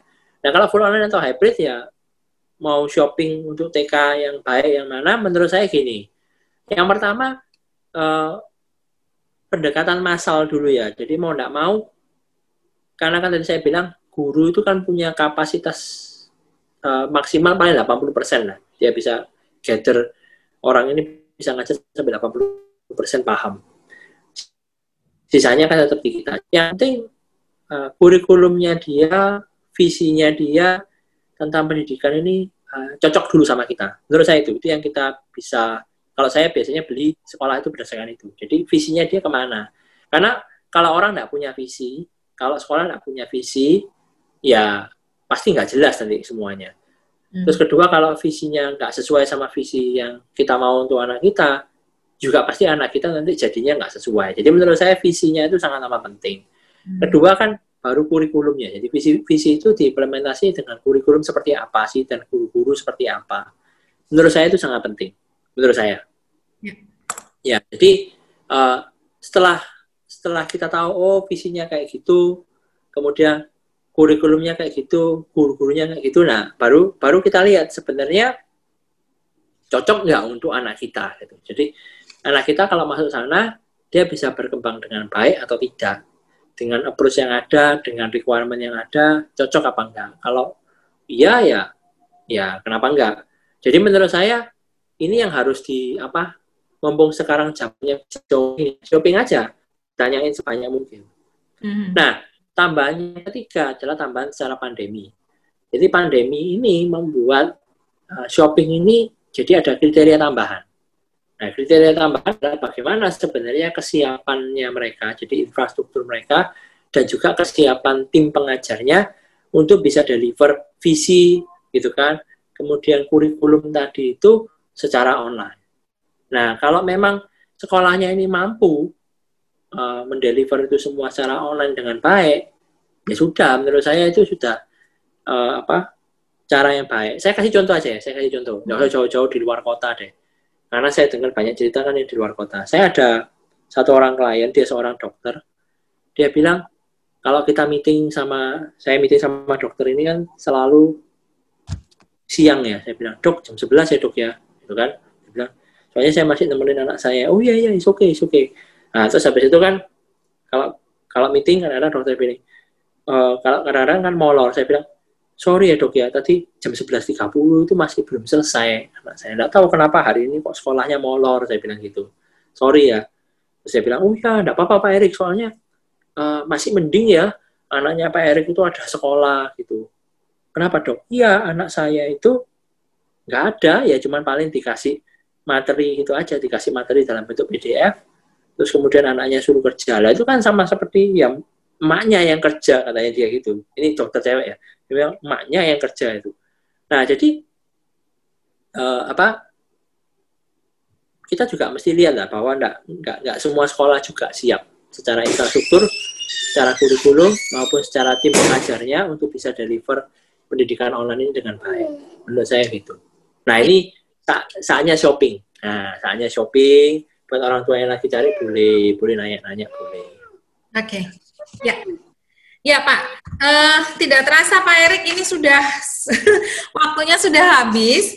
Masih ada pertanyaan sebetulnya, tapi tadi saya pikir, uh, kalau saya lihat sebetulnya pertanyaannya memang cukup spesifik, tapi harusnya tadi sudah bisa terjawab juga Pak secara overall oh, ya. Oke, okay, oke. Okay. Pemaparan-pemaparan. Bapak Ibu kalau memang nanti masih ada pertanyaan atau dirasa masih ini kayaknya saya belum belum belum dapat jawaban yang pas mungkin uh, Bapak Ibu bisa menanyakan kembali melalui uh, eh, WA ataupun email yang akan ada di dalam kolom chat. Jadi nanti mungkin setelah ini kita bisa uh, dari panitia dan juga dari Pak Erik akan bisa mencoba untuk membantu dengan menjawabnya, tapi tidak bisa di forum ini lagi karena waktu kita sudah habis ya. Nah, Pak Erik, mungkin uh, tadi seperti yang saya sampaikan di awal, Bapak Erik diminta memberi uh, memilih nih Pak tadi dua oh dua pertanyaan yang paling menantang gitu ya. Iya. Ya. Sebelum sampai ke situ Pak, mungkin okay. boleh Pak sedikit aja Pak, mungkin paling banyak uh, bisa tiga kalimat untuk uh, Bapak memberikan konklusi, saya memberikan konklusi. Setelah itu monggo Pak, Bapak ber, uh, memberikan pengumuman yeah. siapa pertanyaan yang paling menantang. Oke. Okay. Ya, jadi mungkin kalau misalnya kita lupa semuanya ya, nanti kita ya. lupa semuanya, kita baru ikut di detik terakhir ini. Menurut saya yang pesan saya yang paling penting adalah uh, pendidikan anak itu tanggung jawab orang tua. Ya. Itu nomor satu. Jadi orang tua harus uh, duduk bersama pasangan suami istri memikirkan apa yang baik untuk anaknya, memilih sekolah yang tepat, terutama untuk uh, eh, 16 bulan ke depan ya. Karena menurut saya pandemi ini paling tidak 16 bulan ke depan masih akan ada bersama kita. Ya. Kemudian uh, setelah memilih sekolah, mempersiapkan semua yang ada di rumah, supaya kondusif dan juga mencoba mengatur supaya bisa meluangkan waktu lebih untuk anak-anaknya, terutama yang di usia lima tahun ke bawah. Kenapa? Hmm. Karena uh, sekolah yang terbaik sekalipun tidak akan mampu memberikan dampak uh, apa ya yang diinginkan kalau misalnya keterlibatan orang tua di rumah minim sekali. Itu itu dari saya sih. Itu kuncinya di sana. Ya. Sehingga kalau misalnya rekan-rekan uh, apa mencari memang mencari sekolah ya tadi saya menurut saya carilah sekolah yang secara infrastruktur itu kan dan secara kesiapan itu baik dalam dalam kondisi pandemi ini untuk uh, mewujudkan visi dan misi yang kita mau beli. Ya itu jadi ya intinya gitu ya. Kita mau beli kan kita mau beli visi dan misi. Oke okay, visi misinya bagus kita mau lihat gimana sih caranya kamu implementasi kalau bagus ya oke okay, saya beli. Itu itu dari saya sih. Ya, terima kasih pak. Ah. bapak mungkin memilih mungkin saya ingin membuat konklusi dulu pak ya sebelum nanti kita ke siapa yang akan menjadi, mendapatkan uh, kenang-kenangan ya dari kami. Uh, saya bisa menyimpulkan untuk pembicaraan hari ini sangat sangat uh, banyak hal yang bisa di-sharingkan ke kita ya Bapak Ibu. Tentu tidak hanya hal-hal yang filosofis dan konsep, tapi juga uh, sesuatu yang lebih teknis untuk bisa kita lakukan uh, di bincang pagi hari ini yaitu kalau saya boleh meng-highlight adalah bahwa tadi seperti Pak Erik katakan memang proses pembelajaran kita mau bicara online atau tidak online itu sebenarnya melibatkan siswa, orang tua dan guru ya. Nah, tentu uh, untuk orang tua sendiri ini harus huruf besar bold underline ya. Artinya bahwa memang orang tua memiliki peranan yang cukup besar gitu di dalam uh, tumbuh kembang siswa di dalam memfasilitasi proses pembelajaran. Tentunya kita tidak punya pilihan saat ini uh, dan kita akan selalu belajar seumur hidup kita sebagai orang tua. Siapkan waktu ya Bapak Ibu. Kita juga menyiapkan infrastrukturnya kemudian satu lagi yang terpenting adalah komunikasi. Komunikasi antara papa mama nih harus komunikasi untuk setting priority untuk solving problem ya karena tentu uh, apa yang bisa berjalan dengan keluarga lain belum tentu bisa berjalan di keluarga kita sendiri. Artinya kita sendiri yang harus duduk bareng komunikasi kita mendengarkan anak juga gitu kan. Uh, dan juga komunikasi dengan pihak sekolah. Itu yang akan uh, tentunya membantu untuk memfasilitasi tumbuh kembang anak-anak kita membantu juga kita semua semua yang saat ini mempunyai banyak sekali tantangan sebagai orang tua ya di dalam uh, me, me, me, men, mendampingi anak-anak kita ya di dalam tumbuh kembang mereka. Kira-kira seperti itu. Jadi intinya adalah siapkan waktu Bapak Ibu uh, kita uh, berkomunikasi itu penting dan kemudian kita siap dengan kita menyiapkan uh, infrastruktur dan tindak lanjut selanjutnya. Baik Pak Erik, ada dua pertanyaan sudah mendapatkan kira-kira mana yang Pak Erik paling merasa tertantang? Tadi waktu jawab mungkin agak perlu. Wah. Ya Bapak silakan pertanyaan yang ya, mana? ya, jadi pertanyaan tadi yang tentang learning skill dan kinestetik itu menurut okay. saya. Learning skill dan kinestetik. Itu, itu satu orang atau dua orang itu? Dua Pak. Itu oh ya sudah. Ya. itu aja yang Oh, itu kan sama, Oh, oke. Okay Pertanyaan berikutnya yang ini yang tentang uh, apa bagaimana tetap mengembangkan motorik skill selama pandemi. Oke, bagaimana tetap mengembangkan motorik skill selama pandemi? Ya, ini mungkin sebentar Pak, saya Bapak Ibu yang tadi memberikan pertanyaan tersebut itu bisa menyampaikan nomor mobile phone-nya ya Bapak Ibu ke kami. Jadi tadi yang pertama itu tentang learning skill ya Pak? Tentang learning skills ya. Bentar Pak, ini soalnya pertanyaannya ada di sini, ada di, ada yang bisa bantu pertanyaan. Oke, ini gimana cara melatih learning skill anak ya Pak itu ya? Ya betul. Anak-anak kinestetik dan ini kalau nggak salah dari Ibu. Kemudian yang kedua tentang motorik Pak. Ya, selama pandemi ini kan tadi ada pertanyaan tentang gimana ya cara melatih motorik anak selama terakhir terakhir Miss. Pertanyaan terakhir terakhir. Oke, mungkin dari panitia ya nanti bisa dibantu. Um, ini karena di saya semuanya muncul nama ini di sini. Ya, Bapak Ibu, mungkin saya ingin menyampaikan uh, sekali lagi selamat kepada Bapak atau Ibu yang tadi menanyakan. Ini sudah dicatat sih, Pak. Ini untuk panitia, cuman mungkin di sini saya agak uh, lost untuk namanya.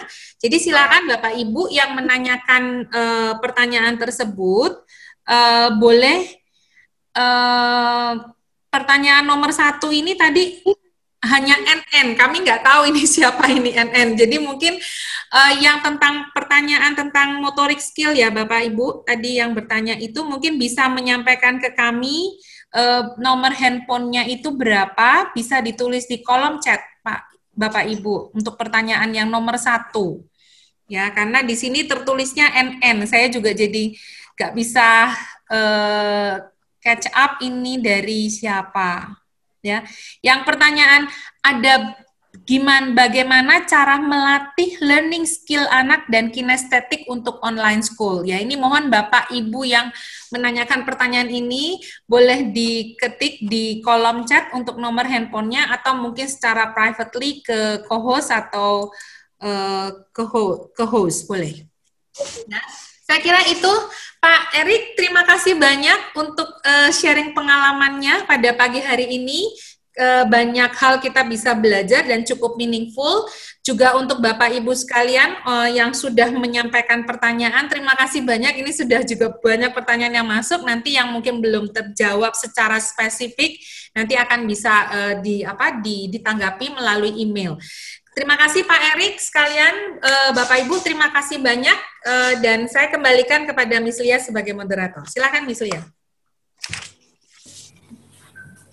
Baik, terima kasih Miss Amel. Bapak Ibu, mari kita berikan tepuk tangan nah, pada pagi hari ini. Terima kasih Pak Erik juga uh, menarik sekali tentunya uh, topik pada pagi hari ini. Semoga bermanfaat tentunya uh, apa yang kita bicarakan pada pagi hari ini. Uh, semoga apa yang sudah disampaikan oleh Pak Erik bermanfaat karena memang webinar keempat kali ini merupakan rangkaian dari virtual open house kita yang tentunya merupakan usaha dari sekolah untuk menjembatani hubungan positif antara orang tua, murid dengan sekolah tentunya ya. Jadi apabila Bapak Ibu mungkin merasakan manfaat dari uh, webinar pada pagi hari ini, uh, mungkin juga merasa ada orang lain yang sekiranya membutuhkan uh, informasi yang telah Bapak Ibu dapatkan pada pagi hari ini bisa mungkin nanti share link dari YouTube kita atau link podcast mengenai webinar pada pagi hari ini. Ya, sekali lagi saya ingatkan mungkin pada Bapak Ibu yang mungkin mengajukan pertanyaan, dua pertanyaan tadi yang menurut Pak Erik berhak mendapatkan sesuatu kenang-kenangan dari sekolah, sekali lagi bisa mengirimkan nomor ponselnya ke WA sekolah ini sudah kita berikan pada kolom chat mungkin bisa dibaca sekali lagi bisa diinfokan pertanyaannya tadi apa dan merupakan salah satu orang yang berhak mendapatkan uh, kenang-kenangan dari sekolah ya bisa diberikan nomornya ke WA Sekolah Sinjung di 0821 3918 4004. Baik, oke terima kasih Bapak Ibu sekalian. Semoga apa yang sudah disampaikan oleh Pak Erik pagi ini bermanfaat. Uh, saya ucapkan terima kasih sebesar-besarnya atas uh, minat Bapak Ibu pada pagi hari ini. Sampai jumpa pada webinar kita. Ada satu lagi, mohon maaf saya lupa. Kita masih ada satu webinar lagi yang akan diselenggarakan minggu depan tanggal 17 Oktober tahun 2020. Nah, berikut Temanya adalah Teens versus Technology, jadi Technology Impact for Teenager.